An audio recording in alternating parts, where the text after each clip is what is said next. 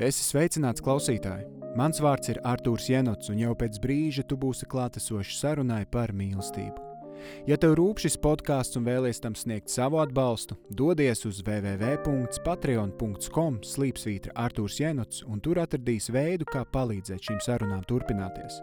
Ja nepaspēji pierakstīt saiti, atradīs to aprakstā. Lai patīkami klausīšanās! Nu, lūk. Tagad tu man lūdzu izstāst, kas, eh, kāpēc tev ir, eh, kāpēc tev liekas, ka tev ir ko teikt, un tu nepat laikā it kā, ka nē. Tas nav nosodoši, ja? Tad, man liekas, ir rītīgi pat laba, laba nos, nu, kaut kāda laba, laba sajūta par kaut kādām lietām. Mm -hmm. um, viens no iemesliem droši vien ir tas, ka man ir ļoti diametrāli pretēja pieredze vispār līdz šim ar mīlestību. Respektīvi, man pirmā mīlestība bija nu, tāda, ka vienkārši viss izcili un super forši un, un jauni, skaisti un, un kā rainbows and butterflies. Un tad otrās manas nopietnās attiecības bija tādas, kuras nu, gandrīz apprecējos, mm -hmm. bet es biju pilnīgā bedrē. Es biju kopā ar šo cilvēku sešus gadus, gandrīz, un pilnīgā bedrē no tiem trīs. Uh, tur bija tāda baigā līdzatkarība, un nesen vēl sanāca runāt. Uh, nu, tā vienkārši pasēdēt, uh, iedzert tālu pirms, nu, cik nu nesen, pirms kaut kāda pusgada. Ar vienu psihoterapeitu. Mm -hmm. nu, kurš tad pārsvarā tas bija viens cits projekts sakarā, un tur Toms vairāk iesaistījās, nevis es. Uh, Un, uh, un viņš tā skatās, viņš tā domā, nu jā, bet ja tev dzīvē tā kā vienmēr viss ir bijis kārtībā, tad nāc kā no, no labas ģimenes, un tev vecāki mīlošo joprojām kopā, un tā kā tu neesi dzirdējis tur, ka viņi tur baigi tur strīdētos, nekad nav bijis nekāda vardarbība. Kā tu nonāci šādās attiecībās? Un es par to domāju visu šo pusgadu. Mm -hmm. Un es nonācu pie secinājuma, ka tas ir tāpēc, ka nevis man kaut kas netika dots vai kaut kas nebija pareizi manī, Bet drīzāk tas, ka es vienkārši nezināju, ka tā var būt. Es nezināju, ka var būt tādas attiecības, kurās tu tā kā tu kā cīnies par tām attiecībām. Tie pašā laikā otram cilvēkam ir nu, diezgan ļoti vienalga, jo viņš dzer mm -hmm. un mhm. lieto narkotikas un ir nu, pilnīgi pazudis principā realitātei. Un tu kā saproti kaut kādā brīdī, ka nu, vai nu tu grimsti kopā ar viņu, Jo tur netika vispār, nu, tu varēji tur stāstīt par, par ārstēšanos, uh, nezinu, tur dot resursus, kur kā iet, zvanīt skaldē. Nu, tā kā tu varēji darīt visas šīs lietas, un cilvēks vienkārši ignorēja, jo viņš nebija gatavs vispār atzīt, ka ir problēma. Un tad nu, es savukārt sēžu tādu, kurai uh, dzīve tikai sākusies, un universitātē tur viss ļoti labi iet, un man ir skaidrs, ko es gribu dzīvē darīt. Es kā, daru kaut kādas lietas, lai tiktu tur, kur es vēlos tikt. Un tas cilvēks vienkārši guļ mājās uz trīs dienām, piemēram, pazūd nu, tā pilnībā bez jebkādiem sakariem. Tad tur sākās kaut kādi zvani no nepazīstamiem numuriem, ka vajag naudu. Nu, kaut kādas tādas lietas, kur liekas, ka nu, pirmais solis varbūt zvanīt policijai, mm -hmm. nu, vai ātriem, vai abiem. Um, un tas brīdis, kad es no šīm attiecībām aizgāju, un ka man vēl gadu pēc tam visu laiku bija jācīnās ar kaut kādiem tādiem cilvēku draugiem, ar ģimeni, kas visu laiku klupa man virsū. Un kā es tā vispār drīkstu, un jūs taču bijāt sadarinājušies, un kā viss tik skaisti, taču, nu, ko tu vispār iedomājies. Un tu nekur dzīvē netiksi bez šī cilvēka, jo nu, viņam nāk no tādas ļoti situētas ģimenes, un, un, un viss dzīvē tādā ziņā kārtībā. Un par to mentāli kārtībā tur var pastrīdēties. Un, um, nu jā, tad tev liek justies nu, kā tādam vainīgam, ka tu esi -hmm. izvēlējies savā labā uh, ceļu, kurš nu, tev liekas tāds uh, piepildošāks ilgtermiņā un labāks nu, pašam. Un tas bija tas brīdis, kad es sapratu, cik mīlestība var būt neglīta.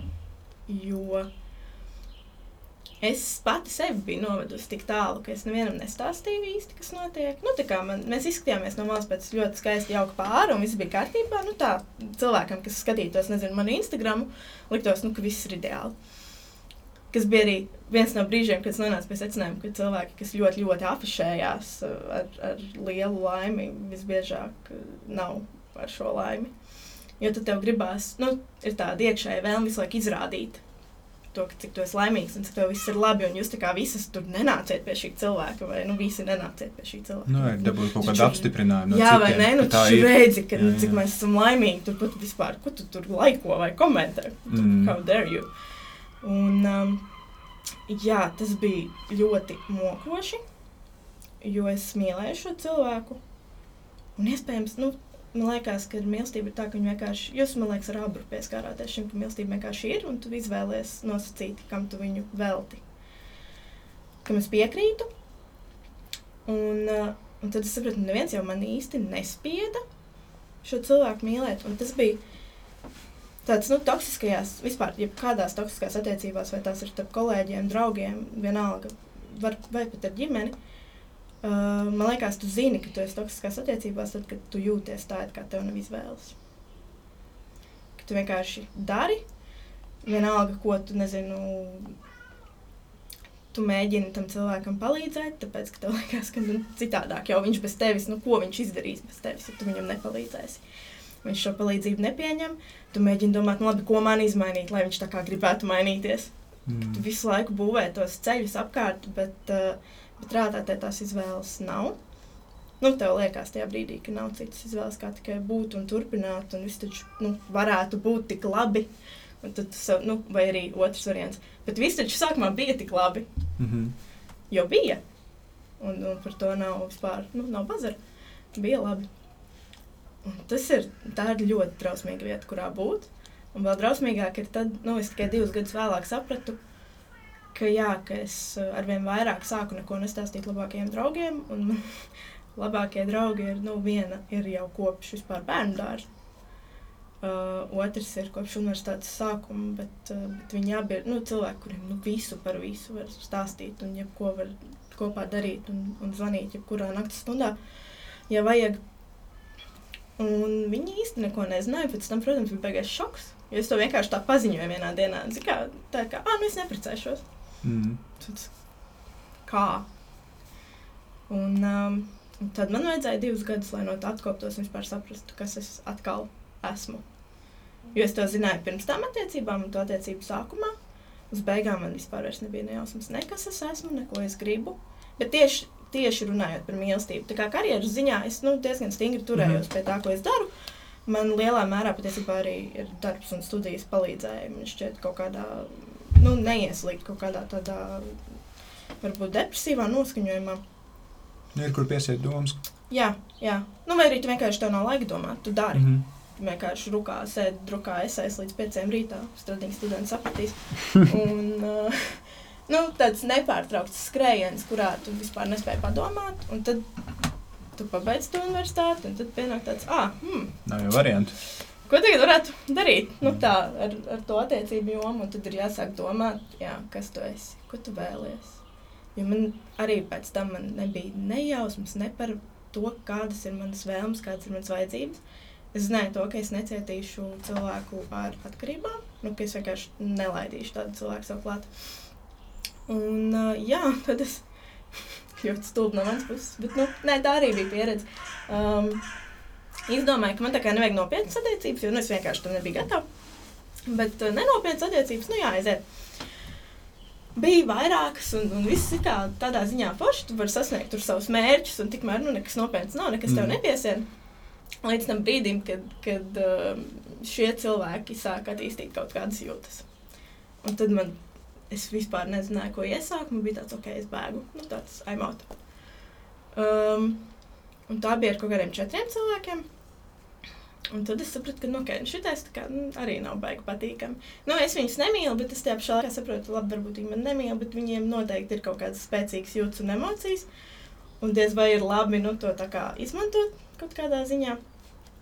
Uh, tāpēc, ka man nu, vajag vienkārši pakavēt laiku vai, vai saprast, ko es gribētu labāk. Un, jā, un tad vēl bija gads, kad man vienkārši nebija nu, vispār, vispār nekādu neatiecību, ne es gāju uz randiņiem, ne es tinderīju, nu, vispār neko. Un tad uzrādījās Toms. um, ļoti, ļoti random kaut kādā veidā. Bija pat bijis tā, ka viņš man 2008. gadā bija mēģinājis draugos rakstīt kaut kādas vēstules. Mm -hmm. Un viņš man bija komentējis vienu bildi. Viņš domāja, ka man bija jāsaprot no tā viņa komentāra, nu, tā kā viņa nolūki. Un tas, ko viņš tur bija iekomentējis, bija paša gaisma. tāds, ok. Nu, es tad biju aizņemta tenīvē, bet arī nu, tāds poši, nu, Tur paši gaisma, nu labi, jā, piekrītu. Okay. Nu, tu jau zini, kā džeka emocijas izrāda. Nu, beigās. Nu, jā, jā, bet uh, galvenais, ka viņš to atcerējās, un man nebija nejausmas. Viņš to pirmo reizi mēs tikāmies, viņš man to stāsta, un es nu, vispār nesapratu, kas tas tāds tagad ir un, un kāpēc. Mm. Un, uh, jā, tad mēs, uh, mūsu ceļš tad sākās, bet diezgan ātri arī izbeidzās. Un tagad mums patiesībā ir otrais pieejams mīlestībā, kas ir interesanti, jo tas noteikti nevarētu strādāt, ja mēs abi nebūtu mainījušies kopš tās pirmās reizes. Tā mēdz notikt. Tā ir dzirdēts, ka ir tādi pāri, kas sanāk, tad nesanāk kaut kas viņu pašu dēļ, tad viņi aizdodas citus ceļus, pieredz kaut ko, atgriežas viens pie otra un ir. Jā, bet tas, nu, tas nav bijis viegli. Bet um, pagaidām tas ir ļoti, ļoti labi, jo mēs abi esam sapratuši īstenībā, kas ir tas, kas ir nepieciešams.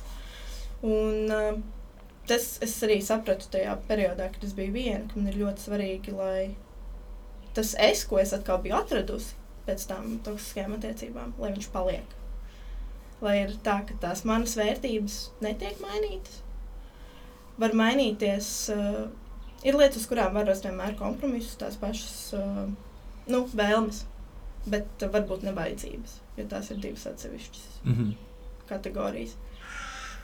Ja man, un arī nu, par, par to var, protams, diskutēt, vai, vai laika gaitā tas mainās vai nemainās. Gan jau, gan jau ka mainās, es vienkārši neesmu vēl tikus līdz tam, ka man mainītos šīs vajadzības. Bet uh, saprast, kas tu esi un saglabāt to, tā man liekas, ir tā lielā māksla. Jo jūs, nu, es neticu tiešām aklai mīlestībai Varbūt tādā ziņā māte pret bērnu, varbūt jā. Es nezinu, man nav bērnu, es nevaru par to runāt. Bet uh, es neticu aklai divu pieaugušu vai divu jauniešu vienalga mīlestībai. Jo tajā brīdī, kad tev ir akla mīlestība, tu jau esi kaut ko no sevis pazaudējis. Tu esi vispār redzējusi aklu mīlestību? Jā. Nu, vismaz cik es nu, esmu tādā draugu, nu, diezgan tuvu draugu lokā, jā. Mm. Kur es varbūt, es arī esmu teikusi nu, savas domas par, par to, ka, manuprāt, ir ļoti izcili, ja tu vari atrast uh, līdzsvaru starp to, ka jūs katrs attīstāties atsevišķi un vienlaikus augat kopā. Mm -hmm. Un to ir iespējams izdarīt, bet uh, iespējams, ja tu neesi nonācis līdz tam, ka tev ir šāda pieredze, tad tev nešķiet, ka tev tas vispār būtu svarīgi. Mm -hmm. Bet uh, tam, ka tu saki, Jā. Ko tu domā ar to, ka tu netici aklai mīlestībai? Ko tas nozīmē? Es neticu, ka tā ir mīlestība. Ah, nu, lūk. Es domāju, ka tas ir veids, kā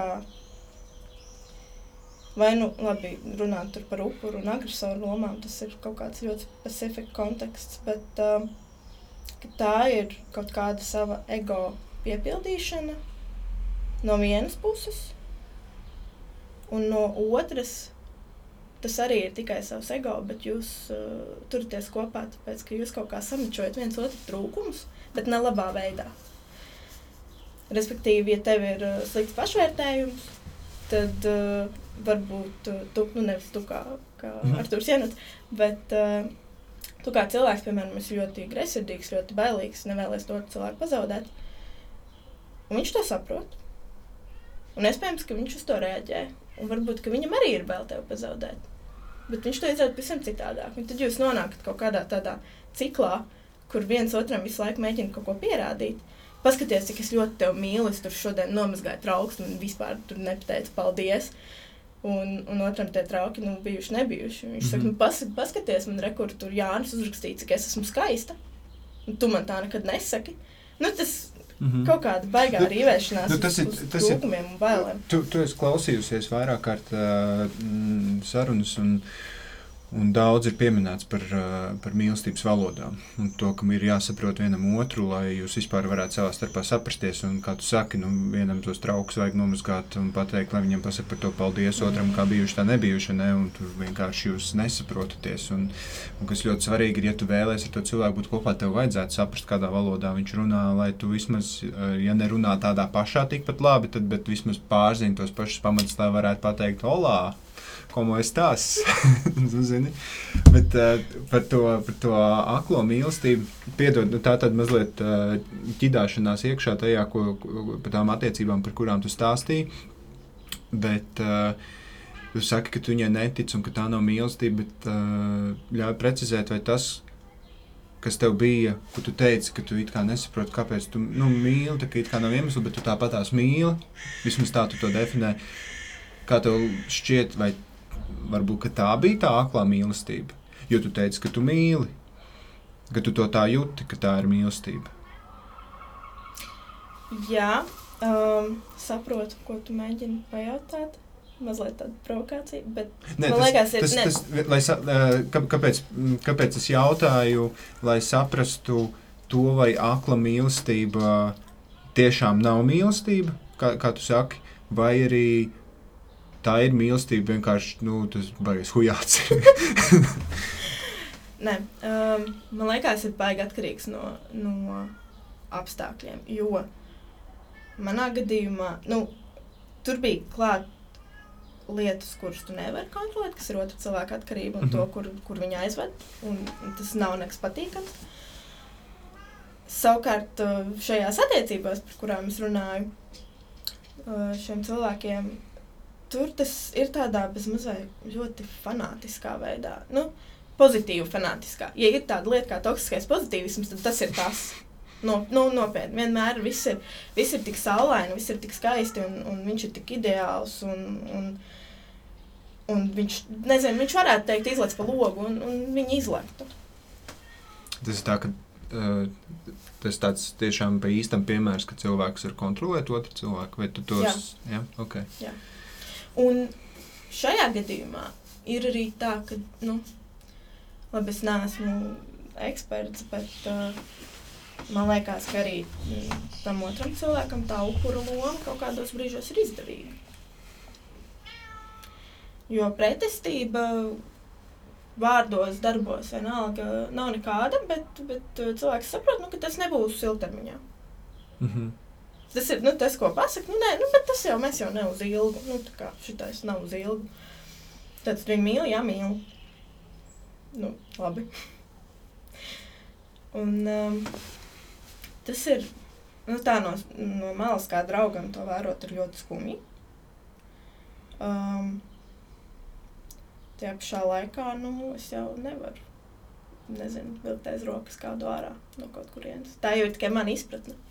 Nu, respektīvi, man liekas, ka šīs attiecības nav veselīgas. Man liekas, ka tur ir tiešām tāda fanātiska, nu, tur ir manipulācija un, un tāda kontrolēšana, Mm -hmm. bet vienlaikus arī tāda fanātiska apbrīna. Nu, man tas neliekas ok. Varbūt Šis, šis uh, kādam citam varbūt. nē, ok. nē, nu, tas, kā, tas, kā tu to raksturo no savas perspektīvas, un tas, kā mēs to dzirdam, un es to dzirdu, un vēl kāds, kas klausās, protams, ka tas neliekas ok. Un vienmēr ir jautājums, kāda ir tā to cilvēku perspektīva, kā viņi to redz. Mm. Jo um, es, bet tas, ko tu sāki, piemēram, par to, tu nevari vilkt ārā kādu aiz rokas, ir, uh, nu, man pēdējos gados ir bijušas visādas interesantas pieredzes. Un, uh, es arī esmu bijis situācijās, kur tu īstenībā nesaproti, ko darīt. Vilkt ārā aiz rokas vai nevilkt ārā aiz rokas. Uh, un, protams, vienmēr ir variants, jā vai nē. Nu, kā vienmēr. Un, uh, tas vienmēr ir beidzies slikti. Un tā mana atziņa uh, no, no, tā, no tā visa ir tāda, ka tu. Um, nu, tu nevari jaukties iekšā. Un ne tāpēc, ka tas nav tur ētiski vai kaut kā tamlīdzīga, jo tas, kā tu to redzi no malas, tā ir kaut kāda daļa patiesības. Mm. Bet ļoti iespējams, tiem cilvēkiem to pieredzi vajag. Es ļoti iespējams, bet no acīm redzot, tā ir. Nē, nu, es pat esmu tāds piemērs. Pat ja man kāds būtu teicis, tur nezinu, Mm. ej prom, vai, vai nu, ja es arī kādam būtu uzticējis to, kas notiek, mm. Un kāds man būtu acīm redzami pateicis, nu, what fakts tas nav ok. Tā Kā, ko, Mm. ko tu dari šajās attiecībās? Kā tev tik daudz, kas vēl ir priekšā, un tu tik daudz ko dari. Nu, tā kā nu, cilvēks nav gatavs pieņemt palīdzību, nu, ko tu vairs vari izdarīt. Bet es nebūtu klausījusi. Man vajadzēja to brīdi, kad, uh, kad man pašai pielicis, ka ir vai nu tā, tā krišana līdzi un tā milzīgā līdzkarība. Mm. Nu, vai arī es saņemos un kaut kā, nu, smieklīgs, gan saņemies. Uh, Bet tiešām jā, saprotu, ka nu, tā vairs neesmu es un ka es vairs nezinu, kas es esmu vispār. Mm -hmm. Ne tikai tajās attiecībās, bet nu, kā cilvēks. Un es nezinu, vairs, kas man ir svarīgi. Un es piedodu cilvēkam lietas, kuras es ne, nu, vienmēr esmu teikusi, ka es nekad nevienam nepiedošu. Un, un tad, jā, nu, tad vienalga, kas būtu gājis kā, no ārpuses manā virzienā, es nebūtu klausījusies droši vien. Ir ļoti interesanti, ka, uh, kāpēc ne? Kāpēc, uh, kāpēc cilvēki neklausās? Jo tur padomju, jau viņi jau nenāk aiz ļaunu, viņi nenāk aiz uh, tiešām kāds tev grib palīdzēt. Nu, ja vien tur nav kaut kādas tur mahinācijas vai kaut kas tamlīdzīgs, bet kāds tev grib palīdzēt, un, un tu kaut kā jūti, ka nē, man nevajag. Es zinu, kā vajag.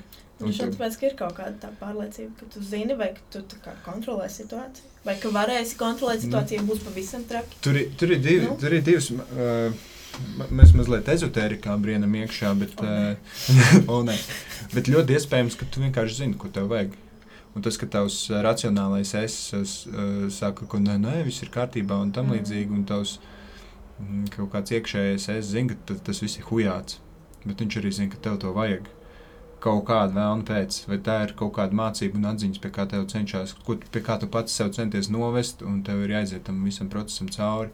Es uh, arī biju tādās attiecībās, kur, um, no kurām doties projām, um, un neļaut viņām dabiski izirt, bet to, kur tiešām saprast, ka ir jādodas projām. Jo tu pats sevi šādi te gandē, uh, un otrs negrib, lai viņam pa, nevis, ne, nu, grib jau, lai palīdz, bet uh, pats sev nemēģina palīdzēt. Un tu saproti, ka nav variantu, vai nu tu nu, kaut kādā veidā nomirsi, pazaudēsi to, kas tu esi, vai arī tu ej prom. Un uh, nu, tev jāuzņemās tā grēcinieka loma, vai ne? Mm. Nu, tev pēc tam bruks virsū, vai ne? Un iespējams, tu pats sev. Vienmēr tu pamet, piemēram, cilvēkam ir atkarības, viņš cieš, viņš krīt iekšā bedrē. Jā. Tas, protams, no malas izskatās sūdīgi, ka tu izlem tā, nu nē, es neiešu tev glābt. Tas, protams, skan rītīgi drausmīgi, nu, bet kā tu varēji tā ļaut, vai ne? Jūs tomēr tik ilgi un tā, un šitā ņēmāties, bet tas cilvēks krīt iekšā, un tu vienkārši palaidi viņu krist, lai krīt. Un, nu, no malas ir sūdīgi, bet varbūt tu būtu aizkritus līdzi un, un, un, un pazaudējis pats sevi. Es noteikti būtu aizskritus līdzi. Un ne tikai ka es pazaudētu pati sev, man liekas, man ģimene, ko es arī ļoti mīlu, būtu pazaudējusi meitu, un mans brālis būtu pazaudējis māsu, un man draugi būtu pazaudējuši Mm. mm. izcilu draugu. Nu, Jā, tas jau ķēdītē viss ir. Tieši tā, Mēs jau visi esam kaut kā saslēgti ķēdītē. tieši tā.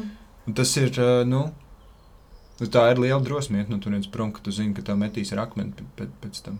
Es atceros, man nesen viena kolēģi stāstīja ā, par, par Jēzu Kristu un par, par jūdu. Mhm. Un ka Jēzus Kristus esot uh, pie jūdas piegājis pāris dienas pirms vis- vislielā akcenta. Ja? Un es teicu, ka tev man būs jānodod. Jo nav variantu citu. Mm. Man jādod nostri. Un, uh, nu, un jūda nesaprot, nu, nu, kāpēc, nu, kā, kā tā var. Nu, viņš viņu tik ļoti mīl, viņam viņš ir jānodod kā, kāds vispār. Kristu, ko tu burgo? un viņš saka, bet nu, nav variantu. Jā. Un te ir tas, uh, nu, visi viņi mētā ar akmeņiem, pēc tam tūkstošiem gadu vēl uz priekšu, bet uh, viņam kāds, nu, tie iemesli pilnīgi citi. Mhm. Baigi sarežģīti tas viss ir. Tas vienmēr ir baigi sarežģīti. Tas ir sarežģīti, un jā, es, es ļoti es piekrītu par to, ka tam vajag milzīgi drosmi. Un otrs, vajag milzīgi drosmi neaiziet atpakaļ, jo, nu kā, cilvēkam ir slikti. Nav jau Mhm. tā, ka viņš to nesauc atpakaļ. Es nezinu, varbūt tevi. tev Nē, nebija man arī sauc. Nē, viss kārtībā. Man Jā, arī jā, sauc. nu. Un, te, un, un te tā pieredze, es, uh, tu atbildēsi, kā, vai tu piekrīti, vai tam nepiekrīti. Bet es Jā. piekrītu. Te, nu, atnākt atpakaļ. Un, uh, un tu piekrīti atnākt atpakaļ. Un tad tā visa, visa šķiršanās, kāda, nu, saprot, tad, kad tu saproti, ka tev ir jādodas prom, un ka tā vairs nevar, un ka sūdi būs liela, bet nu, jā, jādara, kas jādara, jāsaņem drosme, un tā ir tiešām liela drosme savākt uh, un, un iet un runāt ar cilvēku un teikt, ka nebūs vairs, un pēc tam uzklausīt vēl, ko kāds par to domā vai tam līdzīgi. Um, bet tad ir tā, ka tu zini, kas būs. Tā, ka tu zirga pajūgs laiž, un, un, un, un viņš visu laiku ir brīvplūsmā, jo mīlestība un tā. Šis tas brīdis, kad tev jāpaņem tie groži rokās un jāved tas ceļš nu, uz, uz to ceļu, kur tu vēlēsies. Un tu zini, tu zini kas, nu, kas būs, tu spēj paredzēt. Un tad, kad tu ļauj visam ritēt, kā tas rit, pastāv iespēja, ka tā, tas zirga pajūgs vienkārši pa, pa krauju novelsies lejā. Un tad, kad es piekritu, vēlreiz, nu labi, daram emocijas, un ne, tur, tur viss sarežģīti, kā vienmēr. Un, um, un tad, kad tas beidzās otro reizi, tas beidzās mm. tik slikti, cik tas varēja slikti beigties. Un, uh, un tu biji, nu, um, manā gadījumā, es biju vēl sliktāks cilvēks. Uh, un nezina, nezināju, ka emocijas no manis var izvilkt kaut ko tik sliktu ārā, nekā es biju tad, kad es biju sliktais cilvēks, kurš atnāca un pateica, ka nē, es man jādodas citur. Jā, es nepiekrītu nepiekrītu aiziet atpakaļ. Uh, tas bija gads, kad uh, viss visādos veidos. Es, es tajā, enumējies, es 2014. gadā, nē, 2013. gada rudenī, es atradu veidu, kā nobloķēt cilvēku e-pastā.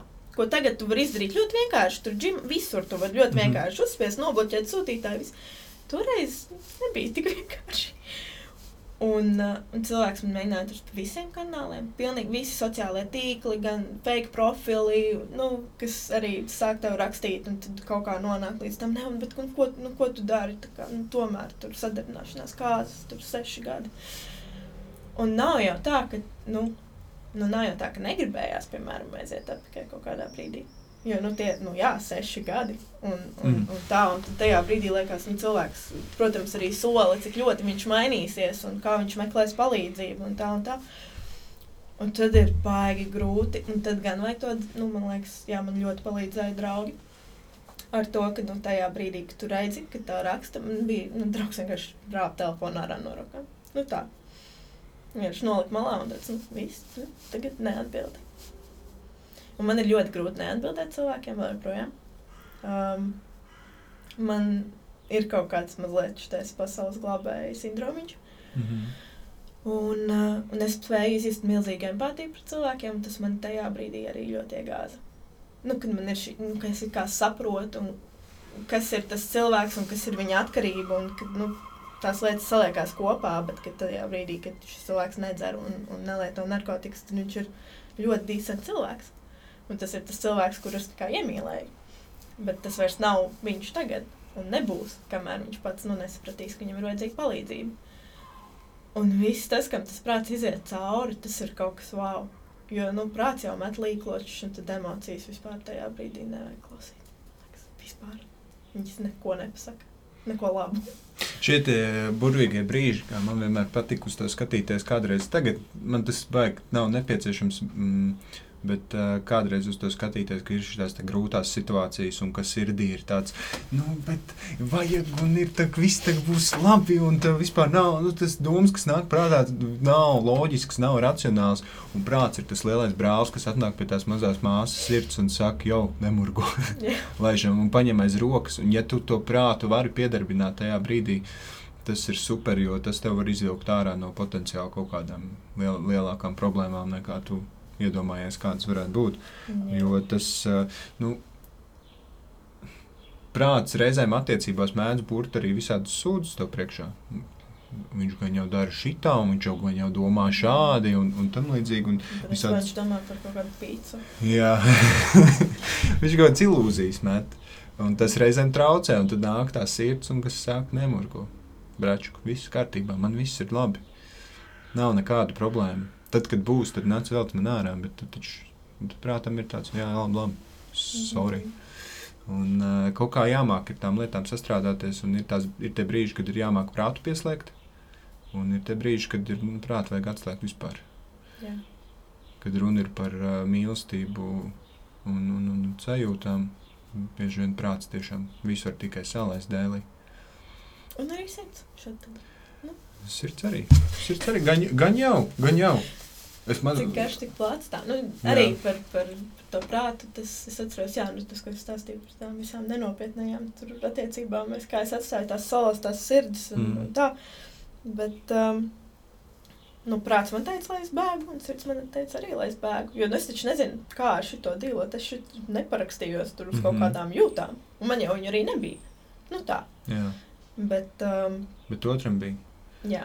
Un, un tad, nu, arī bija kaut kādas situācijas, kur viss bija uz tādiem nu, tā kā noteikumiem. Zinām, kā Friends with Benefits tu tur vienojies, Mhm. vai ne? Tur par visu to, cik viss būs skaisti, un kā nebūs nekādu randiņu, un roku turēšanu, un vispār nekādu tādu emociju, emociju izpausmu vai patiks izpausmu fizisku. Un, um, nu jā, un tad kaut kādā brīdī, piemēram, Čāls uzraksta tev dziesmu, Mhm. un tu viņam jautā, nu, kā, vai tev ir radušās jūtas? Nē, nē. Okay. Nē, Cik, nē. cik meitenēm tu raksta dziesmas, pret kurām tev nav radušās jūtas? Nu, tāds, kad tu saproti, ka jums bija šī noruna. Um, tajā brīdī, kad kaut kas notiek, nu, tad vienkārši viss tiek nu, pārtraukts. Un, kad parādās jūtas vai nu vienam vai otram. Un, un cilvēki saka, ka viņam nav jūtu. Bet nu, man tā kā sāk likties, ka nu, ka, kaut kas tur nav līdz Tāpēc, ka galam. to jūt. Jā. Mhm. Bet, nu, cilvēks saka, nav. Un tad, kurā brīdī, nu, vai es paļaujos uz tām savām sajūtām, kas saka, vai bet, jo, nu, kaut kas nav labi, vai es tā kā noticu šim cilvēkam, ka tā ir viņa atbildība, ka Mm. viņš man saka, ka šo jūtu nav. Un tad turpinu visu. Es nezinu, vai šo vispār ir tāda pareizā atbilde.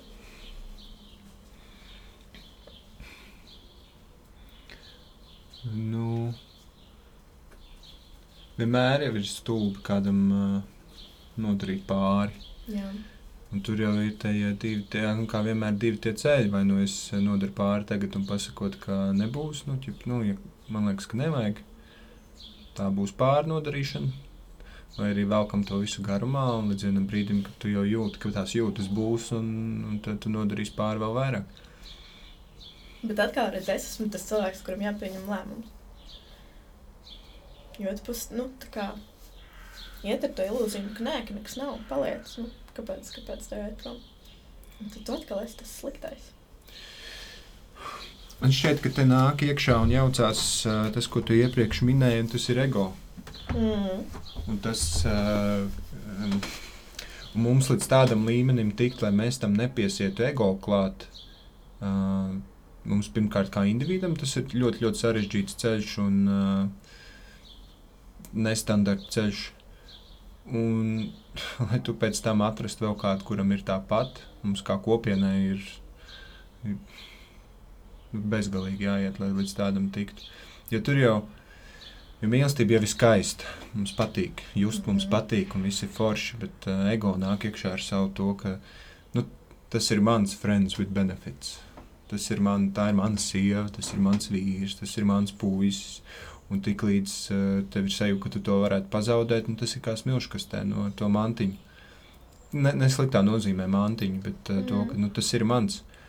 Un, uh, nu, un ja mēs cenšamies aizdomāties uh, līdz tādai sajūtai, ka es zinu, ka mana sieva man nepiedara.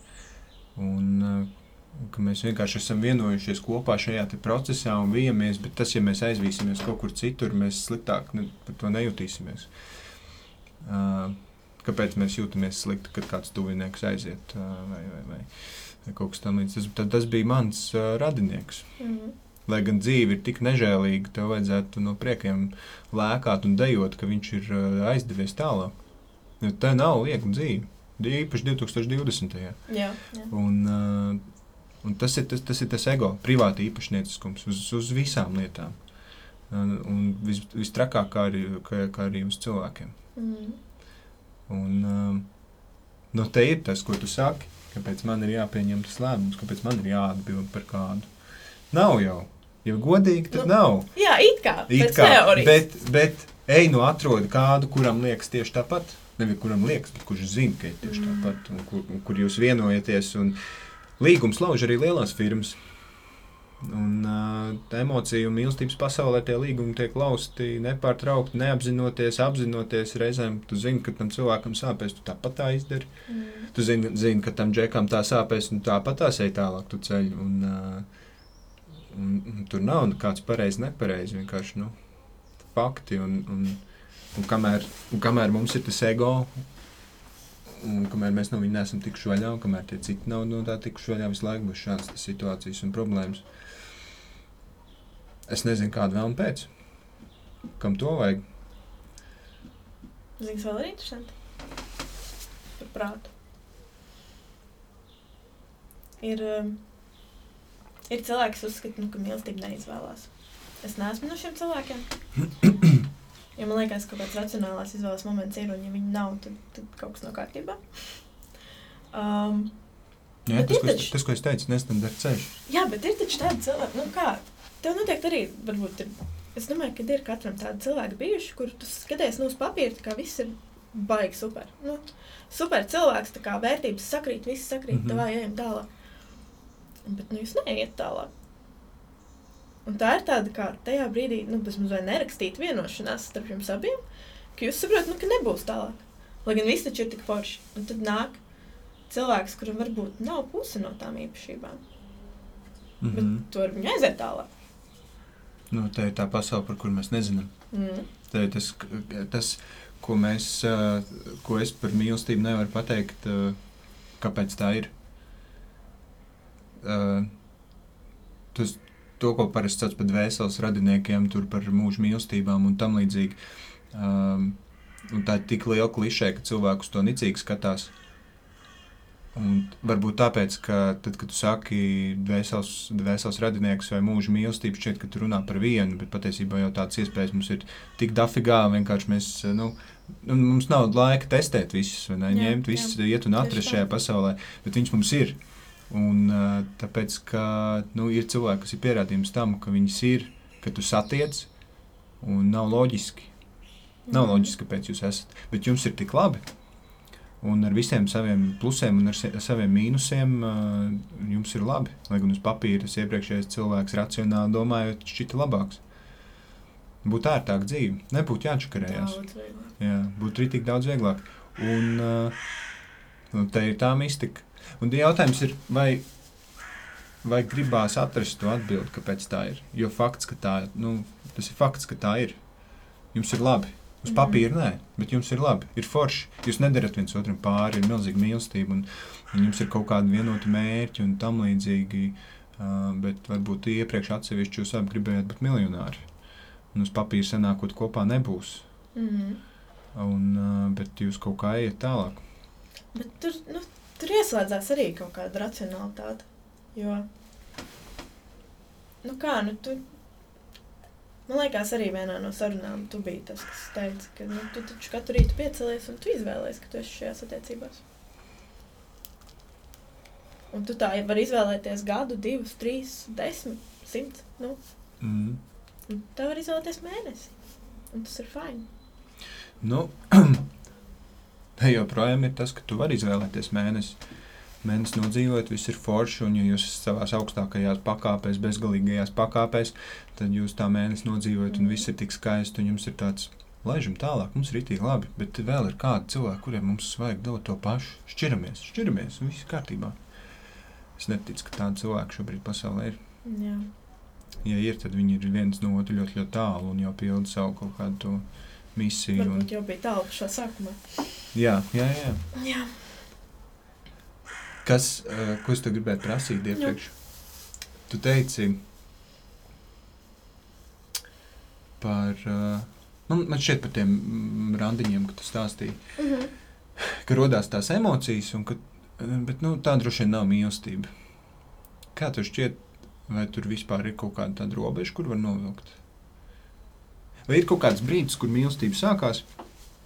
Nē, mīlestība ir. Tas Nu, proti, mēs esam satikušies, mēs esam, mums ir bijis viens randiņš, un uh, es nezinu, nu, kā, Zini kā, kā? kā lai Nu kā? pasakās vienkāršāk. mīlestība kā tāda ir un viņa ir visu laiku. Vienkārši es pēc šī viena randiņa vai tu pēc šī viena randiņa izdomāju, ka mēs negribam viens otram to dot. Mm -hmm. Mēs negribam veltīt laiku, lai tiktos vēlreiz. Mēs negribam uzzināt kaut ko vairāk viens par otru. Mums šis bija ok. Un tad ejam tālāk ar savu mīlestību. vai, vai mīlestība ir tad, kad tu, jūs satiekaties pēc tā viena randiņa, un tu gribās otru randiņu? Neracionāli iemeslu dēļ, vienkārši tāda sajūta, ka vai tā jau ir mīlestība, kā tev šķiet. Man liekas, ka. mm, Kā? Jā, tad mēs atgriežamies pie jautājuma, kas vispār ir mīlestība. Jā, to es neuzjautāju. Agit. Mēs esam norunājuši 43 minūtes, un uh, parasti šo jautājumu es uzdodu pirmajās piecās. Jā, mīlestība ir uh, varbūt nevis kas, bet kāda. Viņa ir neizbēgama. Man liekas, ka viņa ir eksistējoša visu laiku, arī tajā otrajā randiņā, arī tajā pirmajā randiņā. Vienkārši, ja es izvēlos viņu dot tālāk, tad tas kaut kādā brīdī nāk arī ar tādu lielāku atbildību, ar rūpēm, ar kaut kādām lietām, kas mīlestību papildina vai kas palīdz mīlestību izteikt. Palīdz viņai notikt. Jā, bet, uh, bet viņi ir. Man šķiet, ka, nu, ka mēs tomēr kaut kādā veidā ļoti labi varam kontrolēt. Ja mēs zinām, kas mēs esam un kas mums ir nepieciešams, ja mēs esam sapratuši savas vēlmes, savas vajadzības, ja mēs zinām, uz kurām vajadzībām mēs kompromisus nekad nepieļausim, un ja, nu, vai ja mēs iztēlojamies, ka mēs zinām. Vai ja mēs zinām, kas ir up for discussion, tad, tad jā, tad tu vienkārši pieņem izvēli, veltīt savu laiku, savas rūpes, savus kaut kādus iekšējos resursus vēl vairāk, bet tas ir blakus mīlestībai, kas jau eksistē. Mm -hmm. Vienkārši ir kaut kādas šīs papildinošās lietas, jo katram jau mīlestība ir kaut kas tomēr cits. Vienam, nu, atkal atgriežamies pie tām valodām. Vienam tās būs, nezinu, rūpes par, par sadzīvi. Un, un tur uh, tāds ļoti stereotipisks tas skatījums, ka nezinu, vīrietis nes mājās naudu un, un maizi, un, Mhm. un, un, un sieviete rūpējās par pavārdu.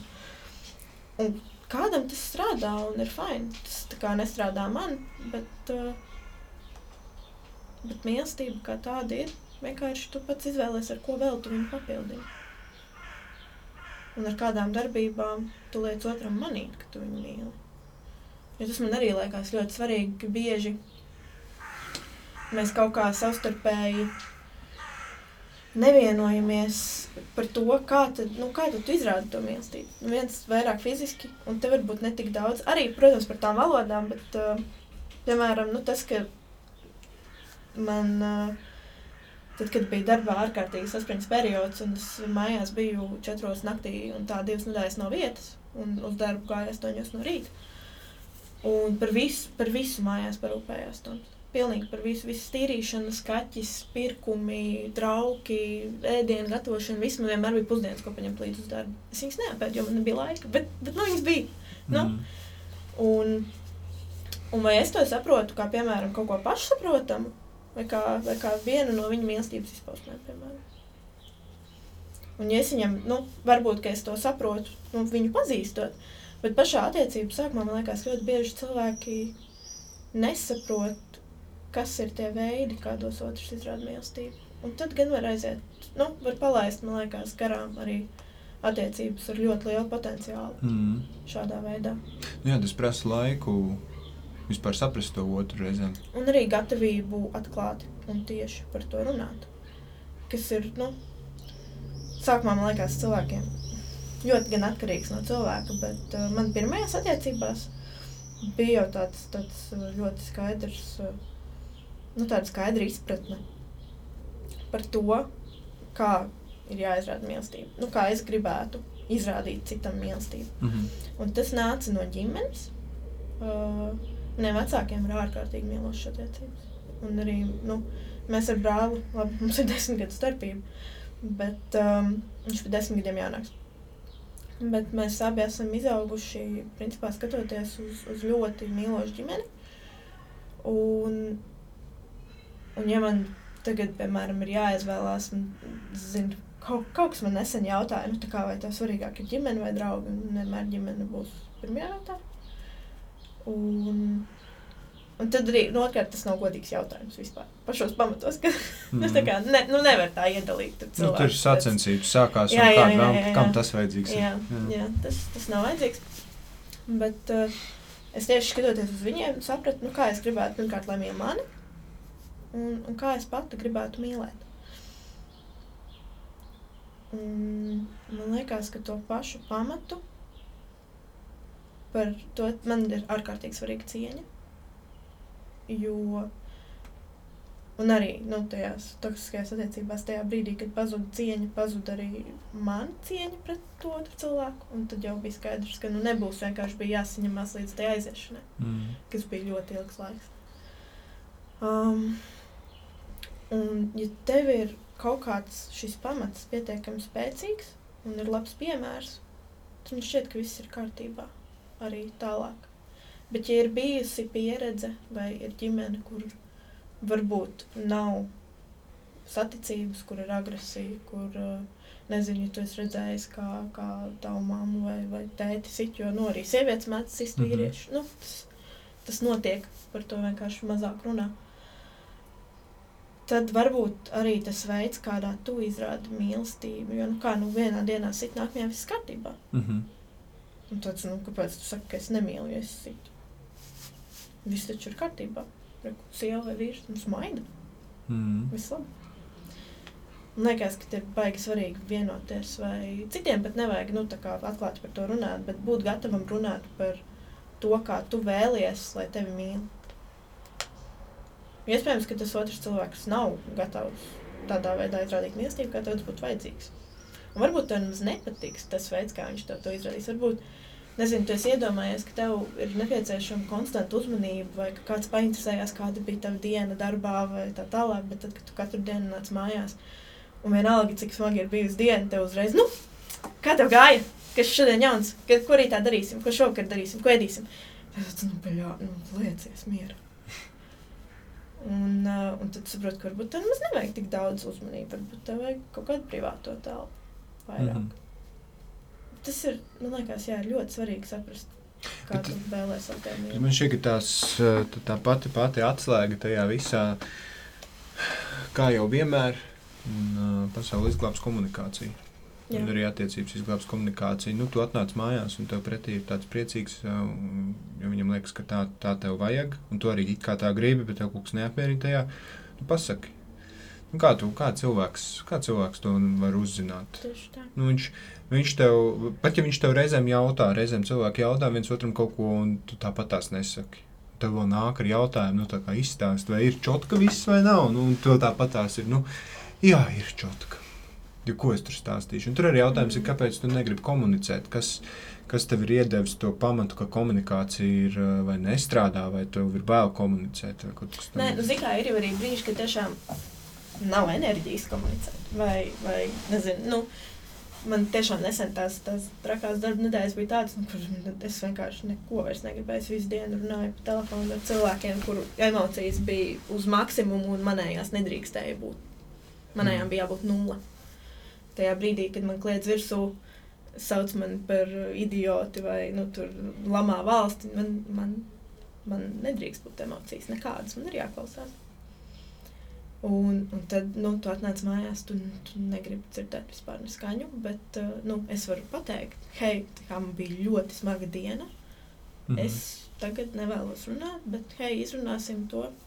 Tad, kad, nezinu, rītā, parīt, tad, kad šis periods beigsies, un ir svarīgi tiešām to izrunāt pēc tam. Jo es zinu arī cilvēkus, kuri atrunājās šādā veidā, un tā arī nekad neko neizrunā. un Tas otrs cilvēks krāja aizvainojumu. Jo, nu, tu man teici rītā, Mm, viņš ieplānoja. Un, tagad, un, zini kā, nolapīts. un tad pienāk brīdis, kad tev vairs negribas jautāt. Nu, kad tas otrs cilvēks, ka viņš vairs nejautā, jo viņš Mhm. saprot, ka nav nekādas jēgas. Tāpat viņam nu, nedod tās atbildes, tikai sasola. Mm. Baigi svarīgi ir prast atklāti sarunāties. Gan par to, kas prātā notiek, gan par to, kas sirsniņā. Man vienmēr ir, nu, nevienmēr. Es, kad es saku, vienmēr tas, tas nozīmē, Bieži nē, tāds tā kā kaut kādi pēdējie dzīves gadi. Bet vienmēr jau nozīmē visu laiku, vai ne? mm. Bet, uh, mm, jā, anyway, ne par to. Bet uh, man šķiet, vispār jau tā ir par visām lietām un situācijām un, un dzīvi kā tādu, bet arī par attiecībām ir jāmāk ņemt vieglāk. Ir jāiemācās ņemt viegli, jo tas viss ir ļoti sarežģīti. Un, uh, tas ir tik daudz slāņaini, un tur ir tik daudz visādi sīkumu iekšā, kurus tu ne ar prātu, ne ar sirdi pat viņiem klāt netiec, jo tev vienkārši procesi nevēl tās lietas. Mm. Un uh, un ņemt to visu vieglāk, lai saprastu tos svarīgākos slāņus, lai vispār ļautu lietām kustēties un notikt, un, un viss būtu forši un patīkami. Mums, mums cilvēkiem ir tāds niķis.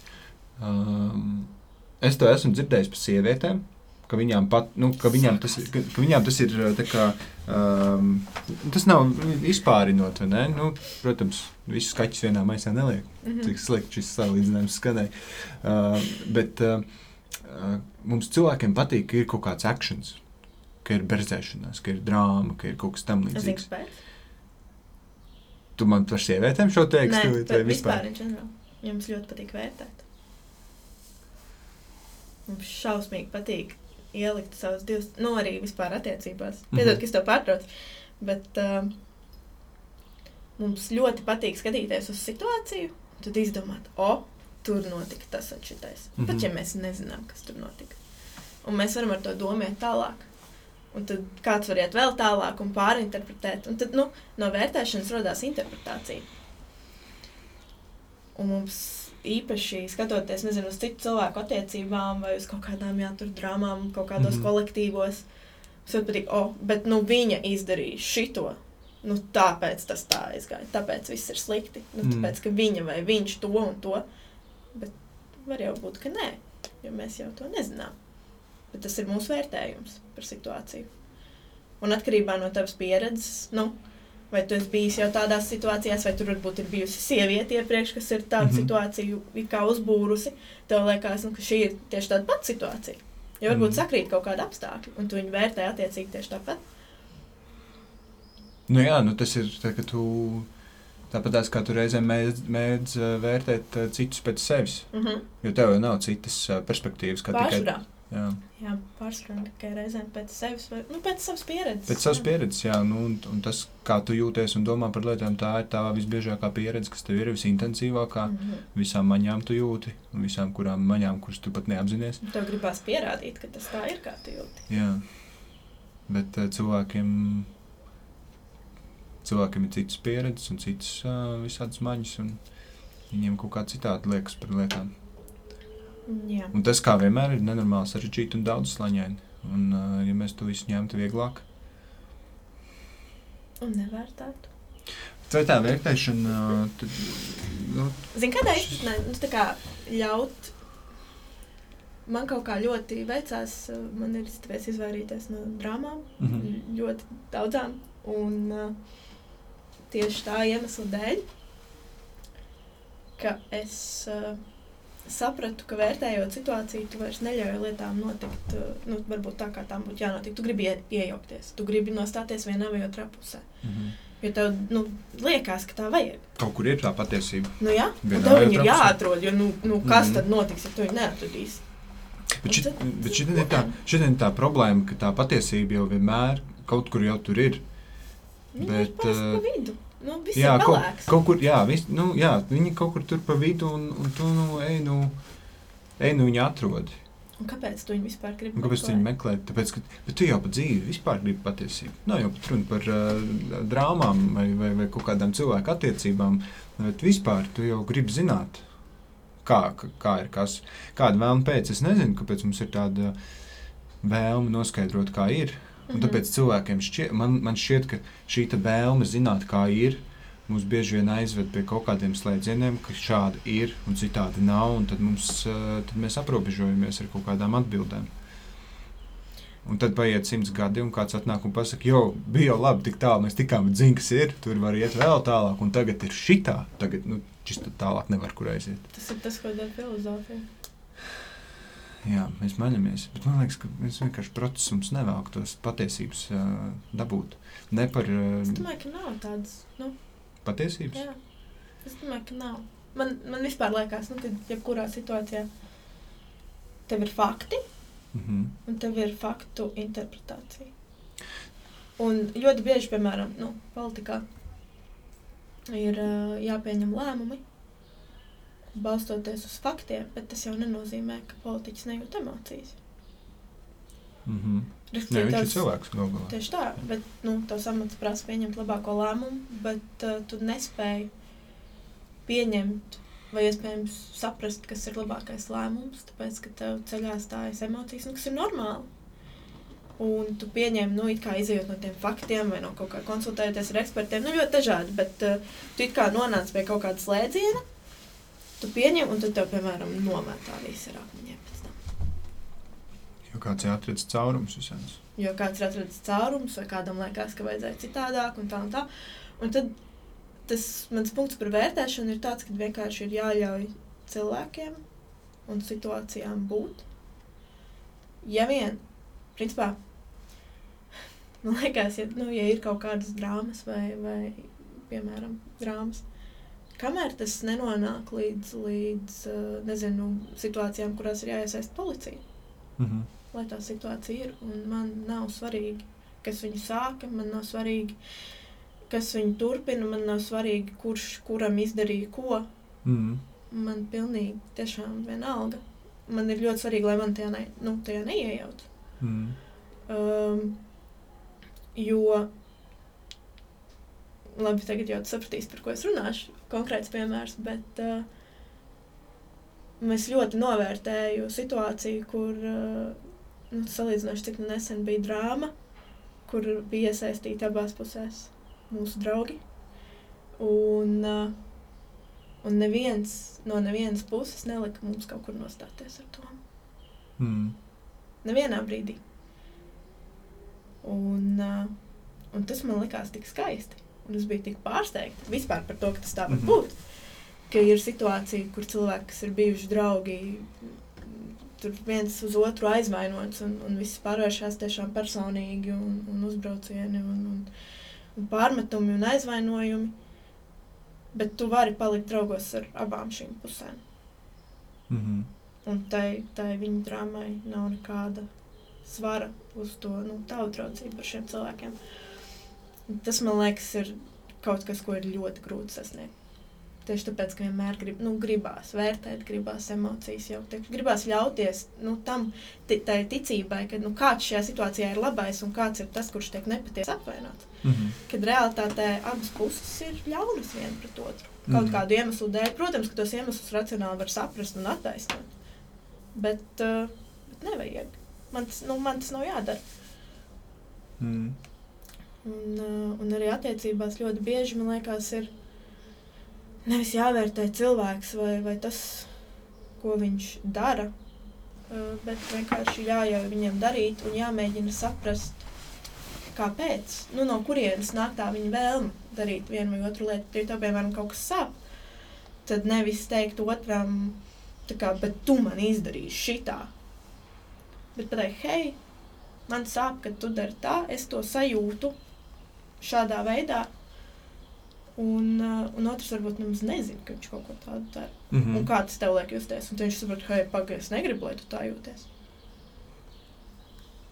Te ir tas uh, mūžīgais par to, ka, um, nu, ka internetā tu, tu vari, nezinu, ietvītot tukšu tvītu, un kaut kur pasaulē kāda tas aizskars. Jā, Un tu nekad nezini, kā kaut kāda tava darbība var tevi aizskart. Tā gan ir absurda situācija, ko es minu, bet es domāju, pilnīgi reāli ņemot vērā, nu, arī cik, cik nu, mēs no daudz Twitteris esam. nav domāts tukšumam. Twitters nav domāts tukšumā, kaut vai pats izveidotājs apvainosies, vai ne? Nu, viņam būs tāds, nu, kāds sakars vispār šitā, tā viņš tas jābano un tam līdzīgi. Un te vienmēr būtiski saprast, ka, lai ko tu darītu, lai kā tu vilktu telpu, lai ko tu teiktu, lai kāds būtu tos viedoklis, vienmēr atradīsies kāds, ko tu aizskar. Un, uh, un te jau vienmēr ir tas, uh, tā, nu, tā, nu, komunikācija ir atslēga. Atkal mēs pie tā Jā, nonākam. nu, tas, Jā. tas, ir ne, tas ir vienkārši neizbēgami. Nu, uh, skaidrs, ka ne par visiem pasaulē tev ir, ne par visiem tu vari, ne visus tu vari izglābt, ne visus tu vari neaizvainot ar to, kas tu esi, ko tu saki un ko tu domā. Uh, bet nu, ir kaut kāda daļa cilvēku un tavs tas lokus apkārt, kur tu tā kā vari pasargāt no, no sevis, mm -hmm. no Mhm. savām neapzinātajām darbībām, kā tu kādu aizskar. Tur es nezinu, no sērijas. Tur. Tas ir ļoti vienkāršs piemērs. Tavā aplī kāds ir gejs vai lesbieta vai vienalga. Un, uh, un tu esi nu, ap, nu, izsaka visādus homofobiskus tur teicienus. Un tas cilvēks atnāk un saka, jau, bet zini, kā ir, ir šī tā, un man sāp. Un tad vienmēr ir arī nu, komunikācija ir sākusies, un vienmēr ir tās divas izvēles. Vai nu tāds atšķiries no manis, vai tev tāds wow, kaut kas mainās un kaut kas notiek, un jūs kaut kur ejat, jūs kaut kur aizdodaties ar to tālāk. Um, Un kā vienmēr tas ir, kā vienmēr tas ir priekš katra cilvēka savs individuālais process, kam viņam ir jāiziet cauri. Varbūt tas cilvēks viņam pateiks, tu esi gejs vai lesbieta, es negribu ar tevi nekādas attiecības. Un viņš dodas dzīvē tālāk ar šādiem homofobiskiem uzskatiem, un, uh, un paiet nezinu, 20, 30 gadi, viņš nonāk pie tās atbildes. Bet tas ir bijis viņa process, kuram viņam ir jāiziet cauri. Kas? Vai nenonāk? Vai, nenonāk? vai arī nu, tas kaut kur turpināsies kaut kādā veidā. Un, uh, vai mēs varam. Mēs nevaram, nu, mēs, mēs nevaram īsti vainot uh, citus cilvēkus pie tā, ka viņi iet cauri procesam. Un tas, mm ir, un tas ar ko es šo, šobrīd saku, ir kaut kāda nu, absolūtā mīlestība, pie kuras uh, es nezinu, vai man ir jānonāk, vai kādam ir jānonāk. Bet, nu, uh, tu nevari citus vainot pie kaut kādām lietām, pie procesiem, jo arī tu ej cauri visādiem procesiem. Tas kā vienmēr ir nenormāli sarežģīti un nenormāli piņķerīgi, un kaut kā to visu vieglāk ir jāpaņem un, un jākustās. Jo, zin kā, kas, kas man liekas interesanti, uh, cilvēki, cilvēki mēdz skatīties uz, uh, uz, tevi, uz tevi pagātnē. Nu, tu kaut kā satiec kaut Jā. kādus vecos uh, klases biedrus, viņiem ir kaut kāds nu, priekšstats par tevi, viņi tevi pazīst. Viņi te, melots nav, viņi tevi pazīst, kaut kādu tevi viņi pazīst. Mm. Bet tas, uh, tu ļoti iespējams esi pa tiem gadiem mainījies, un es esmu pilnīgi cits cilvēks, kuram interesē pilnīgi citas tēmas, kurš domā citādi, kurš rīkotos citādi tajās situācijās ar šo te apziņu, citās uh, rīkotos pagātnē citādi. Es, uh, man nesen bija sapņi, uh, kur es. Uh, kur es atgriežos pamatskolā. Man šķiet, ka vidusskolā, man šķiet, ka tas viss notika pamatskolā. Divas rītīgi izteiktas situācijas. Viena situācija bija, kur es redzēju, kā, kā kādam dara pāri. Uh, mēs esam vienaudži, un tā ir kaut kāda sestā klase, un es redzu, kā kādam dara pāri, bet man ir mana šī brīža apziņa. Un, uh, un es sāku to cilvēku aizstāvēt. Un esmu gatavs fiziski ciest un tikt ietekmēts, bet tikai lai to cilvēku aizstāvētu. Tajā laikā es tā nedarītu. Un tad bija vēl, viena, vēl viens līdzīgs sapnis arī pamatskolā, kur man kāds aizskar un, un tā kā brūk virsū, un es ar šī brīža atziņu uz to visu reaģēju, apziņu. Un, nu, tas man šķiet ir tāds mums priekš visiem sapnis, ko mēs gribētu pieredzēt. Īsti tās situācijas pagātnē, kaut kādas, ja ne visas, tad atsevišķas un būtiskas ar šī brīža apziņu un domām, un vismaz notestēt, kā mēs rīkotos. Jo, nu, negluži tur aizceļot laikā atpakaļ, bet mm -hmm. izdzīvot tās situācijas, lai kurām varbūt mums ir kaut kādi savi iekšējie pārmetumi, kuriem mēs neesam īsti tikuši pāri. Zinām, kā parasti pēc kaut kādiem strīdiem vai pēc nu, situācijām ir tā, ka paiet kaut kāds laiks, un tev ir tāds pats, ka es varēju rīkoties šitā. Un, uh, bet tu rīkojies tā, kā tu zināji vislabāk, kā tu jūti vislabāk, un kā vienmēr, nu, bieži sanāk neapzināties, ka tu kaut kā mm. rīkojies. Un, uh, un tas man šķiet arī baigi, baigi, baigi sāpīgi. Tāpat laikā mēs kā vienmēr, viss sarežģīti. Mēs bieži vien vērtējam uh, pēc sevis. Un, ja tu, piemēram, cilvēku, nu, savu klases biedru neesi saticis tur desmit gadus, bet tu esi mainījies, un tu viņu satiec, un te, tev šķiet, ka viņš arī ir mainījies. Jo tu taču esi mainījies. Nu, nevar būt, ka cilvēks, nu, pat bišķiņi vai kaut kā, un tas cilvēks nav mainījies, bet viņu uztver tā kā, kā sevi. Un, mm -hmm. un tad kaut kāda situācija. Nu, nav nekāds piemērs situācijām. Es uh, par tiem saviem sapņiem Es biju no tiem, kas aizstāvēja. Un es biju. Man skolā neviens uh, neaiztika. Es esmu nu, mainījusi skolas, bet uh, es biju diezgan tāda mm, skarba, varbūt, bet, uh, bet ne tādā agresīvā veidā. Es uh, parasti aizstāvot citus, bija skarba. Mm. Man neviens neapcēla. Um, iespējams, jo es devu pretī ja man kāds kaut vai mēģināja, man izmet vienreiz lineāli pa logu, tad es mm. nevis es gāju sist to cilvēku, bet es uh, zināju, ka man, nu, pie kura cilvēka skolā man ir jāaiziet, lai, lai šis cilvēks to lineāli aiziet, pacelt un atnest man apakaļ. Mm -hmm. Un to man kaut kā gan ģimenē ielika, laikam, šādu vispār izpratni, jo es ļoti, ļoti agri jau sāku aizstāvēt cilvēku. Bet es ticu, ka noteikti ir kāds cilvēks, es skolas laikā kaut kādā veidā esmu izdarījis pāris, vienkārši par to nezinu. Mm -hmm. Tas, ko mēs runājām arī iepriekš. Un um, man ir maz tādu situāciju, kurās es gribētu atgriezties ar šodienas prātu, jo tās vērtības, kas man ir tagad, pa lielam, ir tās, kas man bija jau no ļoti agras bērnības. Nu, cik es atceros apzināti sevi. Um, un man vienmēr, nu, vienmēr tika skandināts un, un mācīts uh, gan par mīlestību, gan par to, ka tu nekad nevari saprast citu cilvēku nolūkus, ka tu vari tikai viņu uzklausīt un apmēram cienīt to, ka viņš pats var izdarīt savu izvēli. Bet um, ir kaut kādas tās situācijas, kurās varbūt gribētu atgriezties, kas ir pilnīgi neloģiskas. Nu, pilnīgi neloģiskas. Mm. -hmm. nu, tādas, kuras es varbūt sev pārmetu par kaut ko, kas ir nu, nu, absolūti muļķīgs. Mm -hmm. Bet uh, nu, viens piemērs. Um, man nomira vecāks, kad man bija 11 gadi. Viens no vecākiem. Un uh, es atnācu mājās uh, pēc skolas, un es redzēju, nu, ka tēvs sēž pagalmā un, un saķēris galvu. Un, un pienākot to, es sapratu, tēvs raud. Un uh, tur bija viens viņa arī kolēģis. Un tēvs bija redzējis, kā vecāks nomirst. Jo tas notika pēkšņi, ļoti ironiski gaļas gaļas parciņā, nu, tā Mhm. kā tajā, kas pie gaļas uz soliņa. Um, un, un ātriem neizdevās viņu atdzīvināt. Un es nu, prasu tētim, nu, kas noticis. Un tad nu, tēvs man mēģina tādā nu, iejūtīgā kā, nu, bērna veidā pateikt, nu, ka vecāks ir nomiris. Man nākamajā dienā bija dzimšanas diena. Un pirmais, ko es pateicu, reaģējot uz to, ka mans uh, tēvs raudādams man šo saka, ir, ah, bet tad jau viņš nebūs uz manas dzimšanas dienu. Nu, kas ir? Nu, es, tagad, nu, tā, es ļoti daudz par to esmu domājis, un tas ir nu, nu, muļķīgi sev par kaut ko tādu vainot. Nu, tā ir pirmā lieta, ko tu pasaki, bet tiešām laikā, nu, tu esi bērns. Nu, nu, tas, varbūt, tas ir tas, kā tu pārdzīvo, nu, ka šis cilvēks nebūs vairāk, jo nu, viņš nebūs nākamajā dienā uz tavu dzimšanas dienu. Un, um, Bet jā, tāda situācija, nu, pārsvarā man tā atgriešanās būtu šādās kaut kādās situācijās, bet tas nevis tāpēc, ka es kaut ko būtu darījis citādāk. Varbūt tā nebūtu pirmā lieta, ko es būtu pateikusi. Nu, tas ir vienīgais. Bet um, es kaut kā daudz esmu pēdējā laikā, jo īpaši uh, domājusi par uh, pacietību. Tu esi pacietīgs cilvēks. Pats, kā tev liekas?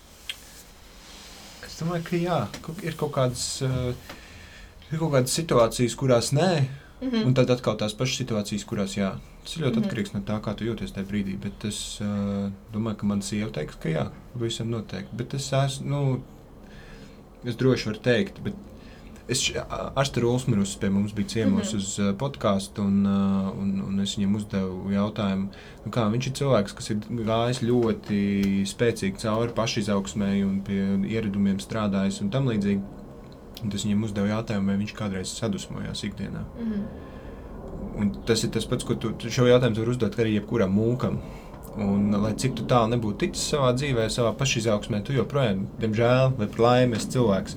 Un, uh, un tāpat sanāk. Mm -hmm. Nu, 80, 90% es esmu pacietīgs. Wow, tas man, man liekas kosmoss pilnīgs. Es vispār neesmu pacietīga. Un um, man kaut kā liekas, nu aizjūt tīri uz to situāciju atpakaļ vecāku, Mhm. ka, ka tieši tāpēc es pat, nu, pateicu to, ko es pateicu, es ļoti gaidīju savu dzimšanas dienu. Es ļoti gaidīju vienmēr, kad man atbrauc visi ģimene. Mm -hmm. Un tāds, nu kā, tagad es tā gaidīju, un es tā, nu, kā domāju, ka viss būs un nebūs nu, un muļķīgi tādā bērnu prātā, bet es arī kā pieaugušs cilvēks, es neesmu pacietīga vēl joprojām. Un, un Toms es vispār nesaprotu, viņam ir kaut kāds apbrīnojams pacietības līmenis. Um, un man tas, dažreiz man tas iegāž, dažreiz man tas palīdz, ka es neesmu pacietīga, bet es ļoti daudz domāju, O, kaķi ārā. Um, es pirms šīm sarunām, tad, kad mēs jau pirms jau ļoti ilgu laiku par šo runājām, es pajautāju saviem draugiem, nu, Mm. kas būtu kaut kas, ko viņi būtu gribējuši, lai viņiem pasaka par mīlestību. Mm -hmm. Un uh, mans labākais draugs atbildēja, un man liekas, ka viņš nu, mazliet man uzbrauc augumā, to pasakot, ka cik pacietīgu mīlestību padara nepacietīgu cilvēku. Un um, nav tā, ka es tagad esmu daudz pacietīgāka. Bet es zinu, ka man pie tā ir ļoti jāstrādā, un es to daru. Un tā, nu, tam ir kaut kādi augļi. Un, uh, un to mums noteikti teikt vēl joprojām, ka es neesmu pacietīga. un kopumā es arī neesmu, bet ir labāk nekā bija pirms trīs gadiem. Man liekas, ka runājot par mīlestību, vispār par jebkādām attiecībām, par draudzībām un, un par cilvēku loku tev apkārt, ja tev ar tiem cilvēkiem ir labāk nekā bez, tad varbūt mēģini viņus kaut kā paturēt tomēr apkārt sev. Un, um, man liekas, interesanti tas, ka mēs kaut kā dažreiz kaunamies cilvēkiem pateikt, cik mums viņi ir vajadzīgi. Nu, tie, kas mums ir apkārt, vai kā mēs viņus novērtējam, jo viņi ir. Un mums tiešām liekas, nu, ka nu, kā, nu, vienmēr ir bijis. Nu, nezinu, man labākā draudzene no bērnās. Nu, viņa man vienmēr ir bijusi jau labākā draudzene. Viņa man vienmēr būs, jo nekur tur viņa paliks. Nu, kas būtu ļoti viegli tā domāt. Un tad tu nonāc pie tā, ka nu, tik viegli nemaz nav. Un tev ir jāiegulda darbs gan draudzībās, gan attiecībās, gan vispār kādā cilvēciskā kontaktā ar citiem. Un tad tur vajag pacietību. Jo nevar viss būt tikai pēc maniem noteikumiem. Lai kā man gribētos, dažreiz, bet nu, nevar. Nesanāk tā. Nu, tenis arī tu viens pats nespēja. Nu, jā. Tas droši vien nevarētu būt tenisista. Tur arī vajag daudz pacietības. Es tieši lasu, es, es tieši esmu apstājies pie, pie, pie nodaļas, kad ir grāmatai. Es arī iepriekš teicu, ka es to grāmatu lasu, bet es neminu, kas tā par grāmatu. Uh, lai nebūtu. Noslēpumaini. Jā, vienkārši autors ir ļoti pretrunīgs. Un, uh, bet domas, ko viņš stāsta, Labi, es zinu daudz pretrunīgus autors. jā. Sāku Ā. domāt. Bet es tieši apstājos pie nodaļas, uh, kāpēc mums gribās, lai viss notiek pēc mūsu prāta. Uh -huh. Neko man nav ko par to ko teikt. Es neesmu ticis. Es izlasīju, Nē, man Es neesmu dišs prāts droši vien salīdzinot ar šo autoru, bet uh, jo man patiesībā liekas, ka visi diši prāti ir, ir ļoti pretrunīgi. Vai vismaz pretrunīgi vērtēti. Jo atkal mums ļoti gribās novērtēt cilvēkus. Bet um, man liekas, ka mums patīk kontrolēt lietas. Jā, jā, Mums patīk zināt, kas, kas sekos. Un kā pie nu, šī pandēmija ļoti labi parāda to, ka mums vajag visam izskaidrojumu. Mums Mhm. vajag zināt, kas sekos. Un kāpēc tu pieņem tādus lēmumus un ne citādākus. Un, un, nezinu, nu, var ļoti dziļi par šo iet. Bet, uh, Es tieši nesen savam draugam stāstīju par šo, ka mums ļoti to gribās zināt, bet ja mēs sev salīdzinām, ja mēs vispār visu to, kas notiek, salīdzinām ar vienu lielu mehānismu uh, un salīdzinām to ar kaut kādu mašīnas motoru, kurā tu esi ļoti arī klišejisks uh, apgalvojums, tu esi mazs zobratiņš tajā visā, un, uh, un tev kaut kas ir piešķīris to apziņu tam mazajam, mazajam zobratiņam, kurš tajā visā ir ļoti, ļoti būtisks. Bet viņam gribās zināt, "A, kāpēc ir šitā, kāpēc man ir jāgrib, kāpēc man vispār kaut kas jādara. Ir? Un, uh, bet viņam ir jādara, lai tas kaut kur kustētos. Viņš nezina, kur ir jākustās, viņš nezina, kāpēc ir jākustās, Mhm. bet tās, tas viss, tā visa milzīgā iekārta kaut kur kustās un kaut kas notiek. Un tad, kad tu skaties uz mašīnas motoru un skaties uz to mazo zobratu, taču no savas perspektīvas tu ļoti labi redzi, nu, ka večuk viss ir kārtībā. Turpin griezties. mm. Un tev nav jāuzdod jautājumu. Jo tev nav tas tev nav jāzina. Vecīt vienkārši baudi to, ka tu vari būt uh, šajā visā lielajā mehānismā kaut kas un griezies. Tu nezini, cik brīnišķīga lieta notiek, tad, kad viss šis kustās. Bet tu, tu esi daļa no tā. Un kaut kad, tad kaut kad uzzināsi. Kad tev varbūt izņems ārā, un kad tu ieraudzīsi, kas tas vispār ir par mm. Mm. mehānismu, tad tu redzēsi, un tev būs tāds, wow, es tur piedalījos, es biju tas mazais pupiks, kas tur visu laiku mauc uz rīņķa un pasties, kur mēs, wow! Un es domāju, ka mēs esam, ā, mēs esam tieši turpat. Mēs esam tie mazie zobrati, pilnīgi nu, no mūsu perspektīvas vēl sarežģītākā mehānismā nekā automotors. Un, uh, mums tas viss tas ņēmstiņš, kas notiek, un uh, mums gribās zināt, kāpēc tā notiek. Mums gribās zināt sīkums, vai arī tā atnesīs Mm. pastu, vai arī tā varēsim aizbraukt uz Rīgā, vai, vai kaut kas tāds. Bet mums gribās zināt arī lielās lietas, kāda vēl un pēc, kāpēc šādi. kāpēc uh, šāda pandēmija, kāpēc no Amerikā notiek tas, kas notiek, kāpēc, kāpēc viss šis te notiek, un uh, tas ir briesmīgi. Varbūt mēs vienkārši neredzam to visu mehānismu. Un tā mūsu perspektīva par to, ka, piemēram, uh, tas, kas notiek Amerikā, ir briesmīgi, ir absolūti tālu no patiesības, jo varbūt tas, kas tur notiek, tam tā vienkārši ir jānotiek. Un mums, kā mazajiem zobratiņiem, sāp, jo mēs esam tam tuvu un tas berzējās pret mums kaut kādā mērā. Bet tas to visu lielo padarīšanu tā dzen uz priekšu, uz kaut ko tik skaistu un visu laiku kaut kādā skaistumā un mīlestībā milzīgā.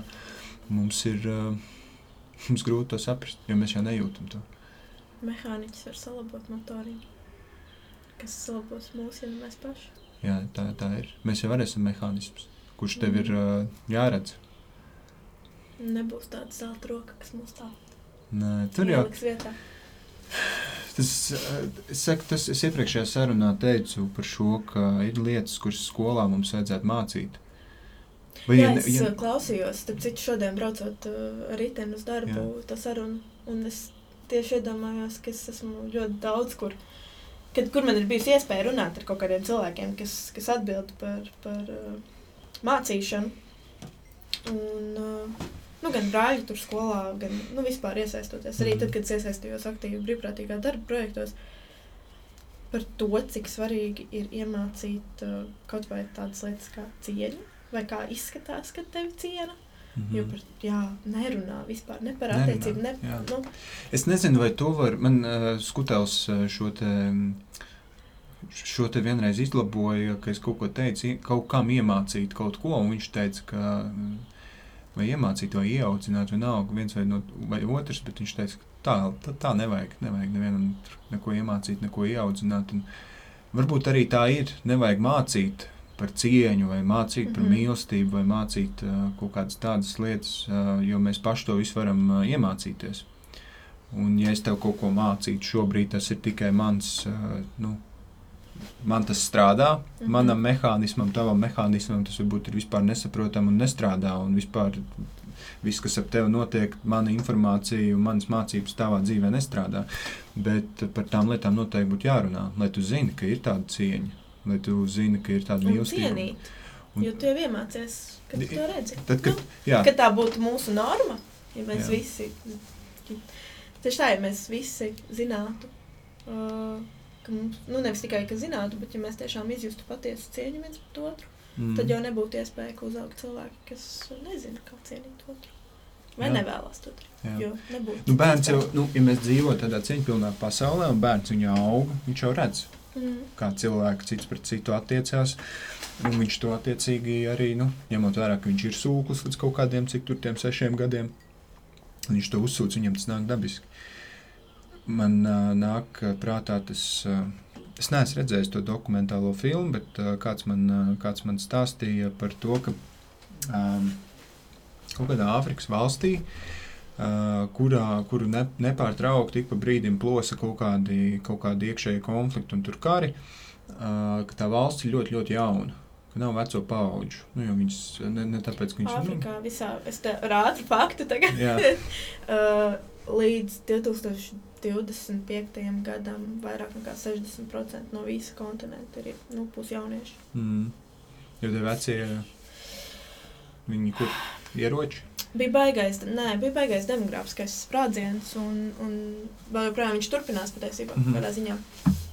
Un, uh, un ir milzīga problēma ar to, ka šiem jauniešiem viņu ir ļoti daudz, un viņi ir jaunā, Āfrika ir jaunākais kontinents pēc vecuma ar visvecākajiem līderiem. Hm. Un tā ir milzīga problēma. Un tur, kur šos līderus mēģina demokrātiskā ceļā gāzt, tur situācija kļūst ļoti slikta ļoti ātri. Militārās huntas ir realitāte. Um, nu, ti, nu, tās ir, un arī Āfrikas valstis ir ļoti dažādas. Ir, ir valstis, kas ir demokrātiskas, ir valstis, kas ir nu, tālu no tā. Un arī tur, nu, tiem cilvēkiem, ne visiem ir vēlme pēc demokrātijas. Un to var saprast, jo daļa no viņiem neko citu dzīvē nav redzējuši. Mm. Un tas kas ir vēl interesanti, ka liela daļa no pašreizējumiem, pašreizējumiem Āfrikas līderiem ir uh, studējuši un mācījušies Krievijā vēl padomju savienības laikā, jo padomju savienībā bija sadarbības programmas ar Āfriku. Un tas veido tādu ļoti, ļoti, ļoti milzīgu pretrunu, jo Āfrikas jaunieši, nu kā, nu, internets ir arī tur. Mm. uh, un, uh, un viņi ir uh, tiešām, nu, iedomājies, kā, tu to pat, man liekas, nevar iedomāties, kā ir būt jaunam cilvēkam, kurš redz, kas notiek visapkārt citur pasaulē, kādas cilvēkiem ir tiesības, ka ģenētiskās modifikācijas nav kaut kas, kas uh, mums ir pieņemams, vai, vai nezinu, nav, nu labi, nāves sodu, tas vēl ir, ir arī dažas rietumvalstis, kurās vēl eksistē nāves sodi. Bet, uh, jā, ģenētiskās modifikācijas vai, vai meiteņu tirgošana 13 gadu vecumā kāzām, vai ir visas šīs briesmīgās lietas, un tad paralēli ir arī tās labās lietas, uz ko nu, tās, tie jaunieši protestē, un, un kā viņi cenšas iedvesmot citus jauniešus Āfrikā, un te, nu, paņemt kaut kādus vadības grožus savās rokās, un iet politikā, un, un mēģināt kaut ko mainīt, bet tu visu laiku atduries pret nu, tādu plus 40 gadus, no nu, vēl taviem gadiem pieskaitot uh, cilvēku, kuram visu dzīvi ir bijis ērti viņa vietā. Mm. Un kuram ir līdzekļi, lai šo ērtību saglabātu.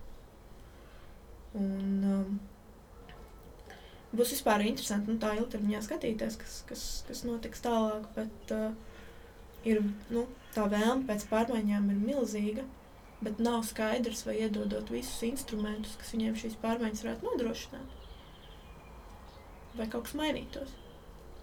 Jo, nu kā, nu tev nevar vienā dienā iedot demokrātiju un pateikt, lūdzu, brīvs.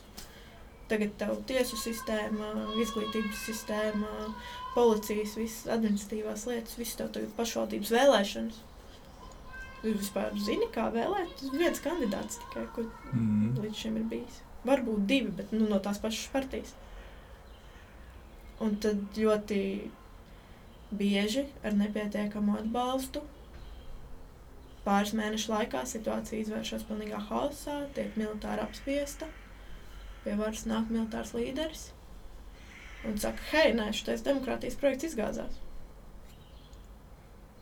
Un, un tā, es, nu, es tiešām varu tikai iztēloties, kāda ir tā bezspēcības sajūta tādos brīžos. Nu, es saprotu, ka pēc tās dokumentālās filmas, ka šis ir atstāsts. Bet, vis, nu, pat ja tā nav, mm -hmm. tāda doķa neeksistē, bet vismaz ideja ir, ka, um, ka aug jauni, ka aug, aug jauni bērni, jauni cilvēki, un viņiem nav, viņiem nav kas nodot zināšanas.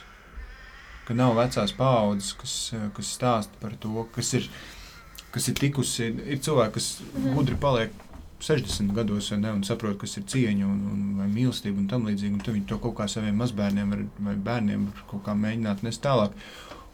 Un, un tur nesot, kas viņiem nes to. Un tāpēc viņi aug tādos, nu, smilškastes likumi, kur, kur nu, mhm. mēs ņēmām mantiņu viens otram nost, tas tev iedeva pa galvu ar akmeni, un tas ir pilnīgi normāli.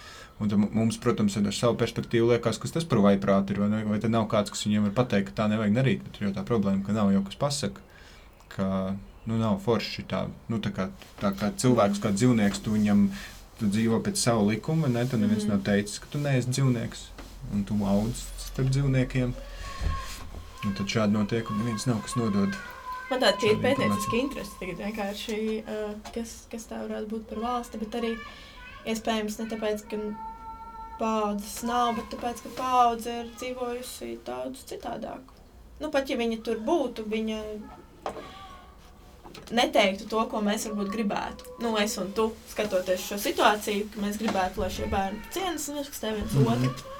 Var jau būt, ka viņi dzirdētu, nē, nu, kā, ko, kāda, kāda vispār cieņa viņam uzbrūk, aizstāvies.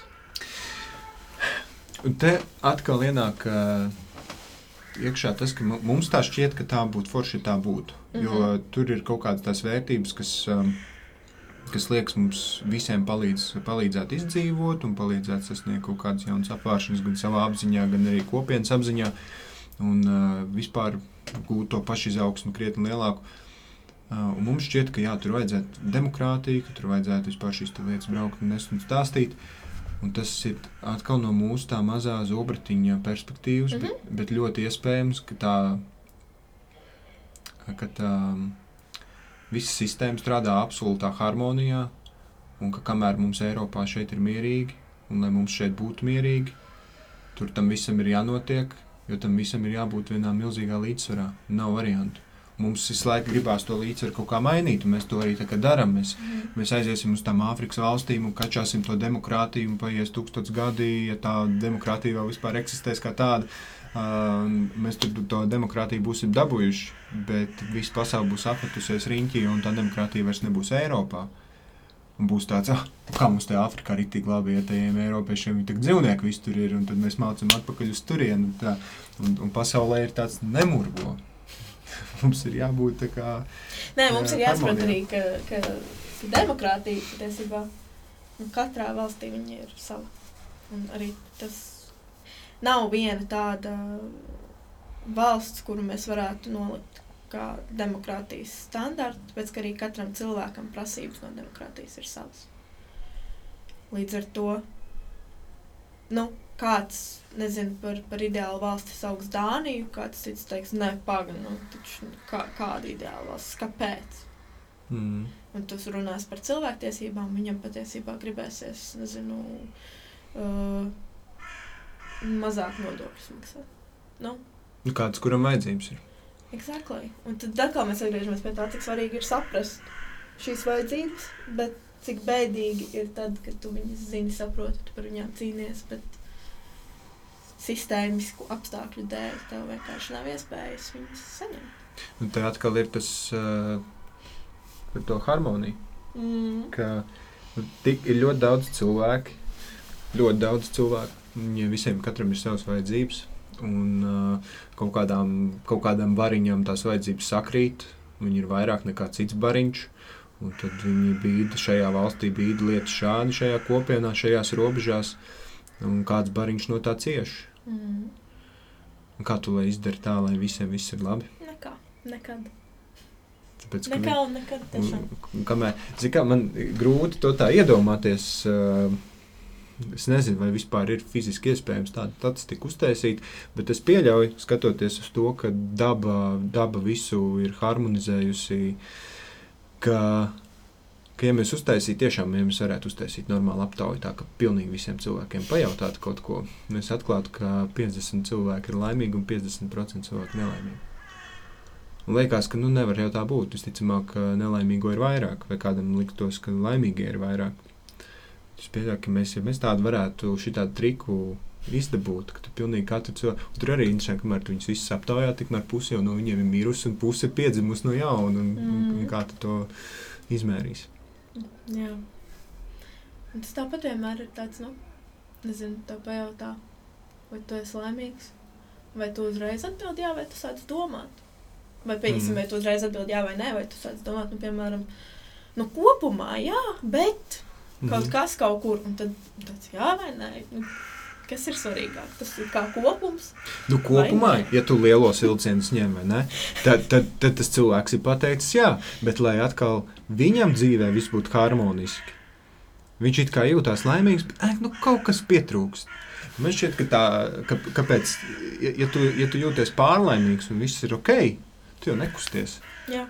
Tu neej uz priekšu. Tev nav iemesla kustēties. Tev nav iemesla kustēties, tev nav ko dabūt vairs. Jo tev viss ir. Pat ja tas nav runa par. Uh, bezgalīgu bankas kontu. Vai, jā, tajā jā. brīdī, kad tev pašam šķiet, ka tev viss jā. ir, tad, tad raudas. Jā, un nekas nekustās uz priekšu. Pat ja tā, es domāju, nu, reizēm tiem cilvēkiem šķiet, kam, kam šķiet, ka viņiem viss ir, varbūt viņiem tā ir kaut kāda ilūzija, ka, ka viņiem, viņiem tā šķiet, ka viņiem viss ir un viņiem kaut kas trūks, viņi negrib atzīt. Bet, uh, varbūt viņi vēlētos, lai tā būtu. Ir vesela rinda cilvēku, īpaši tagad, kuri, kuru vidū Un atkal, nu, es tā kā cenšos nevērtēt, uh, bet kur vidū ir ļoti populāri. Mm, domāt, nu, ka, tu, ja tu pietiekami stipri kaut ko vēlēsies, tad tas notiks. Nu, tu pieņemsim ļoti gribi māju, mm -hmm. tu sataisi savu mūžbordu, uz kura ir mm -hmm. dažādas mājas, un tu katru dienu piedomā. Un? Šis ir mm, milzīgs, plašs temats. Un tas uh, Un atbildes Jā. ir ļoti dažādas. un ļoti dažāds. Jā. Jo, nu, kaut vai it kā nu, speciālisti, ka, ar kuriem par to varētu runāt, tie būtu, piemēram, psihoterapeiti. Nu, viena saka, jā, nu, jā vajag, vajag tā domāt. Mm. Viena saka, nē, tā ir maģiskā domāšana. Un kur lai tas cilvēks, kuram gribās to māju, nu, Mm. viņš jau, protams, ticēs tam, nu, kas viņam liekas pareizi. Un, ja viņam šķiet, ka tas nav strādājis, tad viņš ticēs tam, kurš saka, jā, aiziet. Tā ir. Un, un, un 50% pasaules tic, ka tas strādā, ja viņiem Mhm. ir tāda informācija, un 50% ka nē. Jā. Un tā harmonija vēlams parādās, dzinās uz priekšu. Jo, jo tas jau ir interesants. Nu, kaut vai, vai tas ir ģiņu un jāņu, vai tas ir vienalga, kā tu iztēlojies harmoniju, bet uh, nu, viņš visu laiku tur rotē un tā mainās, bet tas ripuls jau iet uz priekšu. Un, uh, Nezinu, iespējams, ja pastāv reinkarnācija, mēs pēc tam nākam atpakaļ. Šī dzīve mums bija forša. Mēs dzīvojam uh, mazā austrumē Eiropas valstī, nu jau Ziemeļa Eiropas. Ja? Un uh, mums tur principā viss čotka, viss mierīgi. Nu, nākamajā dzīvē tu būs kaut kur Kongo. Lai vienkārši būtu tā, ka nu, tev bija atvaļinājums, foršs, tagad jāpastrādā bišķiņi, jāpacieš. Mhm. Un No mūsu perspektīvas, protams, ciešanas ir kaut kas briesmīgs, bet, uh, ja mēs atzūmotos, mums būtu tāds kāds ciešanas. Viņš, nu, tā kā tur sāpes, ko? Zini, kā nu, viss, visu laiku atturās par to, ka eksistē nevis nu, tā kaut kāda, ka vispār neeksistē tāda objektīva realitāte, bet tikai tas, kā tu par to jūties. Tikai un vienīgi. Tu vari justies laimīgs, tu vari justies nelaimīgs. Man liksies, ka tev nav pamata justies nelaimīgam. Mm. man Mhm. teiksi, nē, bet nu, es nejūtos laimīgs, tāpēc kā A, B, C, D. Es, bet kā? Nu, nejūtos. Man ļoti patika, ka tu pieminēji arī ar uh, pagājušajā sarunā uh, Rīgas laika. Uh, Saruna par mīlestību. Jā, par mīlestību. Mēs ar to bijām starā, bet es, es saprotu, ka tev brīžiem bija par daudz filozofijas. Nē, man nebija par daudz filozofijas. Absolūti nē, jo es pats varu brist tādās tēmās iekšā. Bet Nu, par man, to zāles jau es ļoti sasmējos. man tas vienkārši likās, tā ir. Jā, varbūt filozofija tajā ziņā, ka tiek uzdoti jautājumi, kurus es neredzu, kāpēc tu prasi, ja tu pats pasaki, ka tā ir. Tu zini atbildi, bet tu pats tu pajautā Nu, bet vienkārši. tu dzīvē neapšaubi sevi? Lēmumu pieņemšanas procesā kaut kādās domās jūtās, vai, Droši vai nav tā, ka ir kaut kāds brīdis, kur tu kā pasaki, tad nošaubies, bet tad, ai, nē, nu, gan jau ir tā, kā es pateicu. Tu taču arī pateici. Un varbūt tu nošaubies un saproti, ka, ā, paga, nē, tas, ko es pateicu, nē, kaut kas nebija, zvanīšu tam cilvēkam, ai, nē, nezvanīšu, negribu. Varbūt man ir grūti uz sitienu iedomāties, jo tas, par ko viņš prasīja, vienkārši man liekas tik, ā, tik abs, no absurdi stūbi. Tas ir tā, ka tu, tu redzi krēslu un tu jautā, vai tas ir krēsls. Mhm. Un es saprotu, ka filozofijas pamatā jau ir, protams, uzdot šādus jautājumus. Tas ir pirmais, ko man filozofijas pasniedzējs, ko mums, kad es studēju maģistrantūrā. Krēsls ir krēsls? Pirm, par galdu. Par Nu, galdu, kā, mhm. vai šis ir galds? Nu, tu atbildi, tad kas to padara par galdu? Jā. Un To par galdu padara tikai mūsu vienošanās par to, ka tas ir galds. Jā, jā, jā, mums arī Nu. kaut kas tāds bija. Tas ir. Un tad mēs atkal, jā, man ļoti patīk, ka viņi tajā sarunā pieskārās pie tā, ka mīlestība nav par to, ko kāds tas otrs cilvēks ir un ko viņš dara, Mhm. bet kā viņš tev liek justies. Mhm. Un, um, un arī pašreizējās attiecībās tas ir tāds uh, labs piemērs ar tīri atbalsta ziņā. Man ir darbs, ko, ko, nu, kurš prasa ļoti daudz arī no partnera. Un savukārt uh, Tomam ir tā, ka viņam vajag nu, ik brīdim kādu, kas iedrošina. Kaut kādām lielākām lietām. Es domāju, tev iespējams ir stipri līdzīgi, ka tu kaut ko domā, un tev varbūt liekas, ka kaut kas nesanāks, un Karina saka, Dori. Es nezinu, vai tā ir. Mm Mhm. -hmm. es, es pieņemu, ka tā varētu būt. Man liekas, ka radošiem cilvēkiem vispār ir ļoti raksturīgi par sevi šaubīties vai domāt, ka kaut kas neaizies. Vai, nu, ka tu tā it kā iedomājies kādas idejas, bet nevienmēr viņas realizē. Un, um, un tad, jā, un tad tu nonāc nu, pie tā, ka ja cilvēks liek justies kā, kā nezinu, inovatīvam, vai, vai ka tavas idejas ir rīktīgi labas, un tu viņas var dot tālāk, un tās idejas tiešām aiziet tālāk. Un savukārt, manā gadījumā, kad tas cilvēks tev atbalsta, nu, kaut vai tas piemērs par tām pusdienām, kuras man vienmēr bija, man nebija laika viņas apēst, bet man viņas bija. Man tas tajā brīdī likās tiešām ļoti, ļoti jauki, jo tas režīms, es saprotu, ka ne katrs to var paciest, kad tu nu, neredzi cilvēku un ka cilvēks visu laiku ir vai nu uzvilkts vai, vai visu laiku runā pa telefonu vai atbrauc mājās un turpina risināt darba lietas un tas iet, nu, un tur nav izvēles, tas nav privāts uzņēmums un nevar pateikt, nē. Mm. Tu to, tu to dari, tas ir jādara, un tu zināji, ko teikt. Un, un es tā kā vienmēr esmu zinājusi, uz ko es gāju, un man šie spēles noteikumi ir skaidri, bet es nevaru prasīt, lai otrs cilvēks viņus tā automātiski pieņem. Nu, viņam ir jāsaprot, kāpēc man tas ir svarīgi, un vai viņš ir gatavs tos pieņemt. Nu, tā. Tas, tas noteikti, noteikti prasa. Jā, jo eh, es laikam, nu, mūsu attiecībās, es laikam esmu tas, kurš eh, nu, nostādīja, kā, kā, kā ir. Mm -hmm. nu, tāds es esmu. Un nekas nebija tā, ka tas bija apmēram mums tur bija kašķi vai kaut kas tāds, un man tāds uh, es nemainīšos, tā kā pieņēmu vai nē. Uh, es pie tā biju nonācis ļoti svaigi pie tādas idejas, ka tāds es esmu. Tas bija nu, ļoti svaigi. Mēs tajā brīdī arī satikāmies, un es to kaut kā arī ļāvu saprast, un viņi saprata. Nebija, mm. Mums par, par to nebija baigi jārunā. Un, un uh, arī nu, tad, kad, tad, kad viņa nu, dzīvo kaut kādu savu dzīvi un, un, un dara kaut kādas savas lietas, vai domā, kā kaut ko darīt. Man ir tāds, nu, taču mīļais cilvēks, nu, taču dari.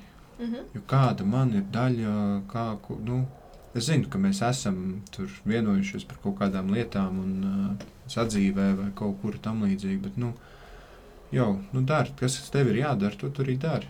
Nu, redzi, man tu jūties, tu jūties saprasts un viņi jūtās atbalstīt. Un otrādi. Nu, jā, jā, otrā. Un tas, un... tas jau man liekas, vispār nu, ļoti būtiski. Nu, tas arī, ko es teicu par tiem procesiem. Nu, cilvēki iet cauri kaut kādam procesam. Mm. Nav svarīgi, vai tas tev ir mīļotais cilvēks, vai ģimenes loceklis, vai draugs. Nu, nu, mīļais cilvēks, nu, taču ej un dari, kas tev ir jādara. Nu. Tu gribi salauzt, tai meitenei sirdi, ej un lauz. Ja tev tas ir. Uh, Tu labi, tu viņam tā nesaki. Viņš, ne, viņš pārpratīs viņam tāds, ka tu gribi, lai es tā kā eju un izšķiros, bet tā priekš sevis. Nu, es redzu, ka kaut kāda iemesla dēļ tu nesaproti, ka kaut kas nav labi, nu, tad tev ir jāiet un tas jādara. Mm. Laikam, ej un dari. Es, jo, es tepat blakus, uh, ja nu kas būšu, un ja nu gadījumā mēs uh, nebūsim, nebūsim draugi vai tur pajūgstās nu, kaut kā tās attiecības šķelsies, jo tur ies dziļāk bedrē ar to cilvēku kaut kas tam līdzīgs vienalga, un tev ir tāds, nu jā, bet tu jau man nepiedari. Neviens, neviens nepiedara. Un, uh, Mums ir, man šķiet, arī tas, mēs esam tikko svaigi, svaigi no Padomu Savienības, un tur jau tie attiecības noteikumi bija ļoti, ļoti līdzīgi. Reti ret ģimenes ir izņēmums, protams. Kā es teicu, visus skaņus vienā maisā neliek. Uh, bet... Tur starp citu pensiju. Arī zilacēns un arī šķielē. Ā, viņš pagāja laikam garām. Skaists. Sveiki! uh, bet, uh, bet jā, grūti grūti to saprast, ka ir redzēt tādu piemēru vai kaimiņos vai pašiem ģimenēs. Mm -hmm. Kur uh, vīrs neļauj sievai kaut ko darīt, vai otrādi. Bet tā, nu, zini, kā pad, padomju, bet ir pāri, kuros tas tā ir vēl joprojām. Nē, ir, ir, tas ir kaut kā pārnesies. Vai tas ir, vai tas ir pārnesies no padomu savienības, vai tas ir mūsu ego? Padomu savienība nav klātstāvējusi. Tas varbūt, nu, varbūt tā vienkārši, nu, jā, kur Tāpēc, ka tas ir tas ego, man liekas, jā, kuram liekas, ka nu, ir tas raidījums kaut kāds pats, kur uh, uzdevums ir, ir stilisti, un viņu uzdevums ir, es vakar redzēju vēzu, ka reklāmu, kur uzdevums ir stilistiem, ko uzdod vīrs, saģērbt sievu tā, lai vīrs atkal ar viņu grib iet uz randiņu. Briesmīgi. Un es šito dzirdu, man liekas, nu, ko? Jā. No, nu, man liekas, vai nu šovakar, vai rīt, mm. tas cits, es, jo, es noskatīšos, uh, jo man tiešām gribās redzēt, nu, nu, bet tas arī, nu, tu tā pasaki, ok, labi, šovs tas ir varbūt kaut kāds viens elements, bet, uh, nu, kā, nu, kāda tev bļāviens, nu, starpība, ko es valku vai nāk mugurā? Mm. Kāds tam vispār ir sakars, lai tur man iet vai neiet uz randiņu? Mm. Nu, pilnīgi absolūts muļķības. Un, uh, un tad, uh, bet redzēt, jā, vēl joprojām, zin kā, man agrāk likās, mazliet par politiku varbūt runājot, kā man agrāk likās, ka tāds ļoti, ļoti radikāli uzskati politiski, vienalga, kurā virzienā, vai tie ir radikāli labēji vai radikāli kreisi. Ka, nu, ka ar jauno paudzi jau nu, tas izlīdzināsies. Jo, nu, tas bija kaut kāds astotais gads, kad es par to domāju. Es gāju astotajā klasē, man jau tad ļoti interesēja politika. Un sekoju līdzi, un es tā skatījos, nu, labi, bet nu, kā, nu, nu, manu vecumu cilvēku šitā nedarītu. Un tad es diezgan ātri sapratu, tieši arī ar brīvprātīgo darbu un satiekot ar vien dažādākus cilvēkus, ka nu, mana vecuma cilvēki, ar kuriem es izvēlos pavadīt laiku, tā nedarītu. Bet uh, ir pietiekami daudz manu vecumu cilvēku, kas izvēlās tā darīt. Mhm. Un tad, nu jā, tad, tāds liekas, it kā, ka kaut kas varbūt ir no kaut kurienes pārnesies vai pārņemts, bet, bet nu, nē, īsti. Kaut kā cilvēki nonāk vienkārši pie vienām tam. Attiecībās man liekas, parasti cilvēkiem arī ir viens un tās pašas problēmas, tikai viņas dažādi izpaužās. Nu, piemēram, tas, ka cilvēki neprot produktīvi strīdēties. Mhm. Nu, kad strīdos vienmēr nonāk līdz tam, ka tie kaut kādi personīgi, skatīts, personīgi Sveiki. apvainojumi izteikti vai, vai vilkas ārā kaut kādas lietas no pagātnes, kas neatiecās uz konkrēto strīdu. Nu, tā, tas, tas nav produktīvs strīds. Nu, tā nekur nevar nonākt. Tā var tikai viens Tā- otru vairāk sāpināt vienkārši. Jā, tā nu, nav, di- tā nav diskusija. Jā, jā, nav- jā. Un, um, Tas ir vienkārši, tu man liekas, justies tā, es tev arī tūlīt likšu justies tā. Nu jā, tā ir- metat ieročus kort. Otra lieta ir, ka nu, ka tāda populāra teikt, nu, tur nezinu, viņš vai viņa man liek justies tā un tā. Nē, neviens tev neliek nekā justies. Tā jūties. Tu tā jūties, un tam ir kaut kāds iemesls, kāpēc, vai kaut kādas tavas traumas, vai kas, bet otrs cilvēks par tām īsti nav atbildīgs. Tu vari likt viņam zināt, ka Mhm. tev, nu, tas, par ko mēs jau runājam, ka tas un tas tev liek justies kaut kādā veidā, kurā tu negribētu justies. Bet, uh, jā, tad ir nu, tam cilvēkam uh, nu, iespēja kā pieņemt to un strādāt ar to. Vai, tā, vai, tad atkal ka tas, tas nevar. racionālais izvēles elements, par ko mēs runājam, mm -hmm. nu arī, ko es teicu, ka, ka mīlestībā ir tas izvēles elements. Tu izvēlies, kam veltīt savu laiku un kādas attiecības attīstīt. Ir ļoti forši, ja tu esi attīstījis attiecības ar sevi, pats saprotot, kas tu esi, pirms tu attīsti attiecības ar citiem. Mhm. Jo tad ir mazāk iespēja, ka ar tevi manipulēs. Un tad ir arī patiesībā mazāk iespēja, ka tev radīsies pašam vēl manipulēt. Es. Uh,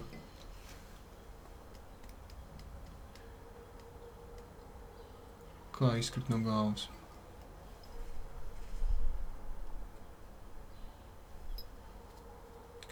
Ja tu nezini, tu, es, man, man bija kaut kādas situācijas ar Karinu, kur es pat nezināju, ka man tādas lietas, lietas var justies tā, kā viņas man liek justies. Un man racionāli tas nešķiet normāli. Es racionāli zinu, ka kas tas pasēst. Mm -hmm. Un tas nav nekas briesmīgs vai kā, bet vienkārši mm. tas man tā liek justies. Un, un, uh, un tu pasaki, es zinu, ka tas skan muļķīgi. Nezinu, kas man ir. Nu, labi, bija, es zināju, kas man ir līdz tā justies. Es nezināju, ka tas tā man tā kā tik ilgi var sēdēt iekšā un vienkārši notiek. Tu var nezini. tiešām būt arī tā, ka tu nezini. Jā, tu, ne, nu, tev, Un tu nevari arī paskaidrot. Un tu nevari, jā, tāpēc, ka tu nezini, ka grūti, grūti atrast tos iemeslus, kāpēc kaut kas tev liek tā, nezinu, tur kastanis nokrīt no galda. Nu, tik random lieta, nu, cik tev bieži kastanis uz galdas. Mm. Tā otrs cilvēks viņu nomet, tā nav reāla situācija, bet, nu, vienkārši tas absurdums, nokrīt tas kastanis un tu vienkārši salūst un sāc raudāt. Un otram ir tāds, ko tu murgo, un tev ir tāds, un ja tu saproti, jā, un tev ir tāds, man nav nejausmas, bet tas, tā kastaņa krišana man liek tā justies. Un tas ir absurdi un muļķīgi, un, un, un tad jūs vienkārši saprotat, ka ir tāda problēma, kā to risināt. Jāizdomā, gan jau tā veidi dažādi. Vai mēs abi gribam to Vai risināt? mēs abi gribam to risināt? Jo nu, tiešām viens otram jau mēs nepiedaram. Nu, varbūt tev tas liekas slimi, un kas vēl tevī ir iekšā, un tu gribēsi mukt prom. vai? Nu, tas ir saprotams. Bet, um, bet jā, bet, tas, kāpēc man tā doma nenāk par, ah, par to, kāpēc tu, es te iedomājos vienkārši atstāšu šo domu šeit, varbūt nākotnē attīstīt. Tu teici par to, ka tas ir, nu, mīlestībā ir racionālā daļa arī. Un es tam absolūti piekrītu. Un, uh, un, un es iedomājos, ka varbūt tas ir tāpēc, ka mūsu organisms kā tāds ir racionāls. Um, mēs daudz lietas nesaprotam, bet tam mm -hmm. viņš Mhm. kaut kā strādā racionāli. Savukārt mīlestība viņi ir, uh, nu, viņi ir kā gaisa, viņi ir kā milzīga enerģija, kas visu laiku ir. mums tā enerģija nāk mūsos iekšā, un mēs ar viņu varam strādāt. Un reizēm tā enerģija izspēlē tādas trikus, kurus tu negaidi. Un tu vienīgais veids, kā tu enerģiju savaldīt, ir uh, racionāli, ar prātu. Mm -hmm. Sirds viņa tā kā tur ģenerē un tur dara visu kaut ko, ko ar to enerģiju var darīt. Bet prātam ir tāds, nu, pagaidi, pagaidi, paga. vajag šitā, vajag novirzīt šādi, vajag darīt šādi, lai to enerģiju pareizi virzītu un, un saņemt varbūt arī atpakaļ un nenodarīt nevienam pāri un tam līdzīgi. Atstāšu šo domu šeit. Zinu, par ko es iedomājos. Mm. Par, um, par izdegšanu, kā, nu, kā ķermeņa reakciju uz to, ka vai, nu, dažādi. Tu zini, cilvēki izdeg dažādu iemeslu dēļ, Mm -hmm. bet um, viens no tiem iemesliem noteikti ir arī toksiskas attiecības. Bet uh, tajā brīdī varbūt nu, nav tā, ka ķermenis nebrīdina par to, ka šitais tev nav ok. Nu, ja tu Mhm. nedēļu pavadi, nezinu, raudot visu laiku un nekāpjot no gultas ārā, vai visu laiku kaut kādā paranojā par to, ko varbūt otrs cilvēks dara, vai nu, ļoti dažādas tās izpausmes. Mm -hmm. Bet ķermenis jau tā kā tev saka, ka Jā, jā, šitais viņš tu zina. nejūties labi. Un tad atkal mēs nonākam pie tā, kā tu jūties. Nevis kā tev kāds liek justies. Dzīve, ne? Jā, funny.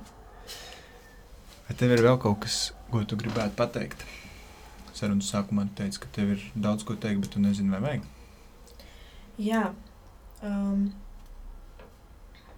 man ļoti gribētos, lai es gan domāju, ka tavu mērķa auditorija diez vai ir cilvēki, kur tā teikt, bet man ļoti gribētos, lai cilvēki mazāk domā par to, kā, un tagad, nu, tieši tā arī burtiski citējot, kā atrast otru pusi.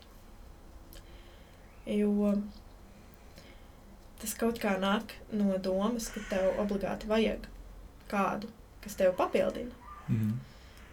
Bet uh, es ļoti gribētu, lai, lai cilvēki vairāk nu, mēģina saprast, vai, vai vismaz painteresējās, kāpēc viņiem liekas, ka viņiem vajag kādu, kas viņus papildina. Kāpēc viņiem neliekas, ka viņi ir viens vesels un viņi var atrast tādu pašu vienu veselu un kopā būt komanda.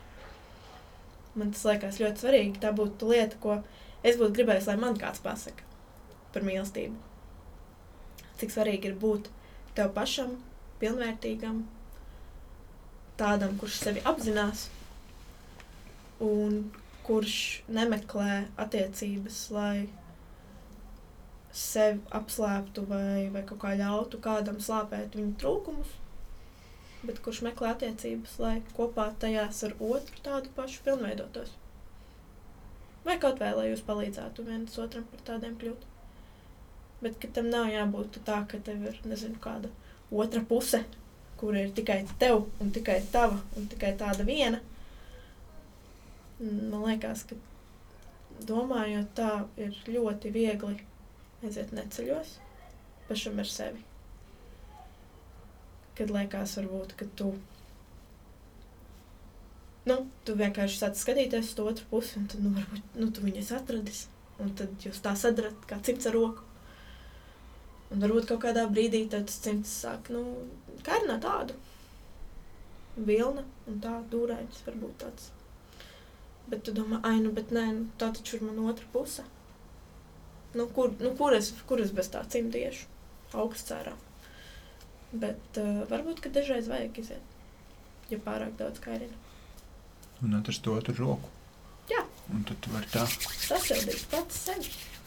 Mm. Tas man šķiet ļoti svarīgi, jo arī lasot, nu, vienkārši, kas, kas uh, gan dažādus blogus, gan, gan vispār skatoties, uh, kas notiek ar cilvēkiem, cilvēkiem dzīvēs apkārt, liekas, ka kaut kā ļoti domi, nu, dominē tiešām tā doma, ka, ka tu bez tā cilvēka nebūtu tā kā pilnvērtīgs. Bet tam tā nevajadzētu būt. Jums abiem vajadzētu būt pilnvērtīgiem cilvēkiem. Kā tu saki, tev ir nu, savas lietas, ko tu dari, un Karīnai ir kaut kādas savas, bet jums ir arī kopīgas. Mm -hmm. Mums ir tieši tāpat. Varbūt es tā saku tikai tāpēc, ka redz, tev tas strādā, un man tas strādā, un mums abiem ir attiecības, kurās tas strādā. Bet uh, tā mana pieredze tomēr liecina, jā, ka ir tiešām jāmeklē sākumā tas savs vesels, un tikai tad tu vari meklēt vēl otru veselu. Mm. Kas vēl tāds, mēs jau ļoti daudz pieskārāmies cieņai. Uh, ir svarīgi arī, lai cilvēki. Nu, Protams, ja tev ir šis pašvērtējums, un ja tu zini, kas tev ir nepieciešams, tad tu droši vien nepieļausi, ka tevi neciena. Bet uh, varbūt tas, par ko mēs runājam, ka vajag vienkārši cienīt, lai nu, tā tiešām kļūst par kaut kādu normu. Tādā ideālā pasaulē nedzīvojam, bet, uh, bet uh, arī mīlestība, ne tikai cieņa. Tie ir, uh, nu, tie ir darbības vārdi. Angliski ir tas, tas teiciens par to, ka tas ir darbības vārds. Un tā tiešām ir. Un, un tas nes kaut kādu atbildību gan pret sevi, gan pret citiem. Jā. Bet par tām otrām pusēm nu, nevajag. Kā nu, abolis sagriezīs pusē. Nu, bet, nu, katram abolam, tu sagriez kaimiņa abolis pusē, mm. nu, tu viņus saliksi. Nu, tu saliksi arī trešam kaimiņam, un ceturtam un piektam. Mm. Jo visi aboli ir nu, gandrīz vienādi pēc formas. Nu, tā. Nu, forši. Paldies. Tad. Paldies tev.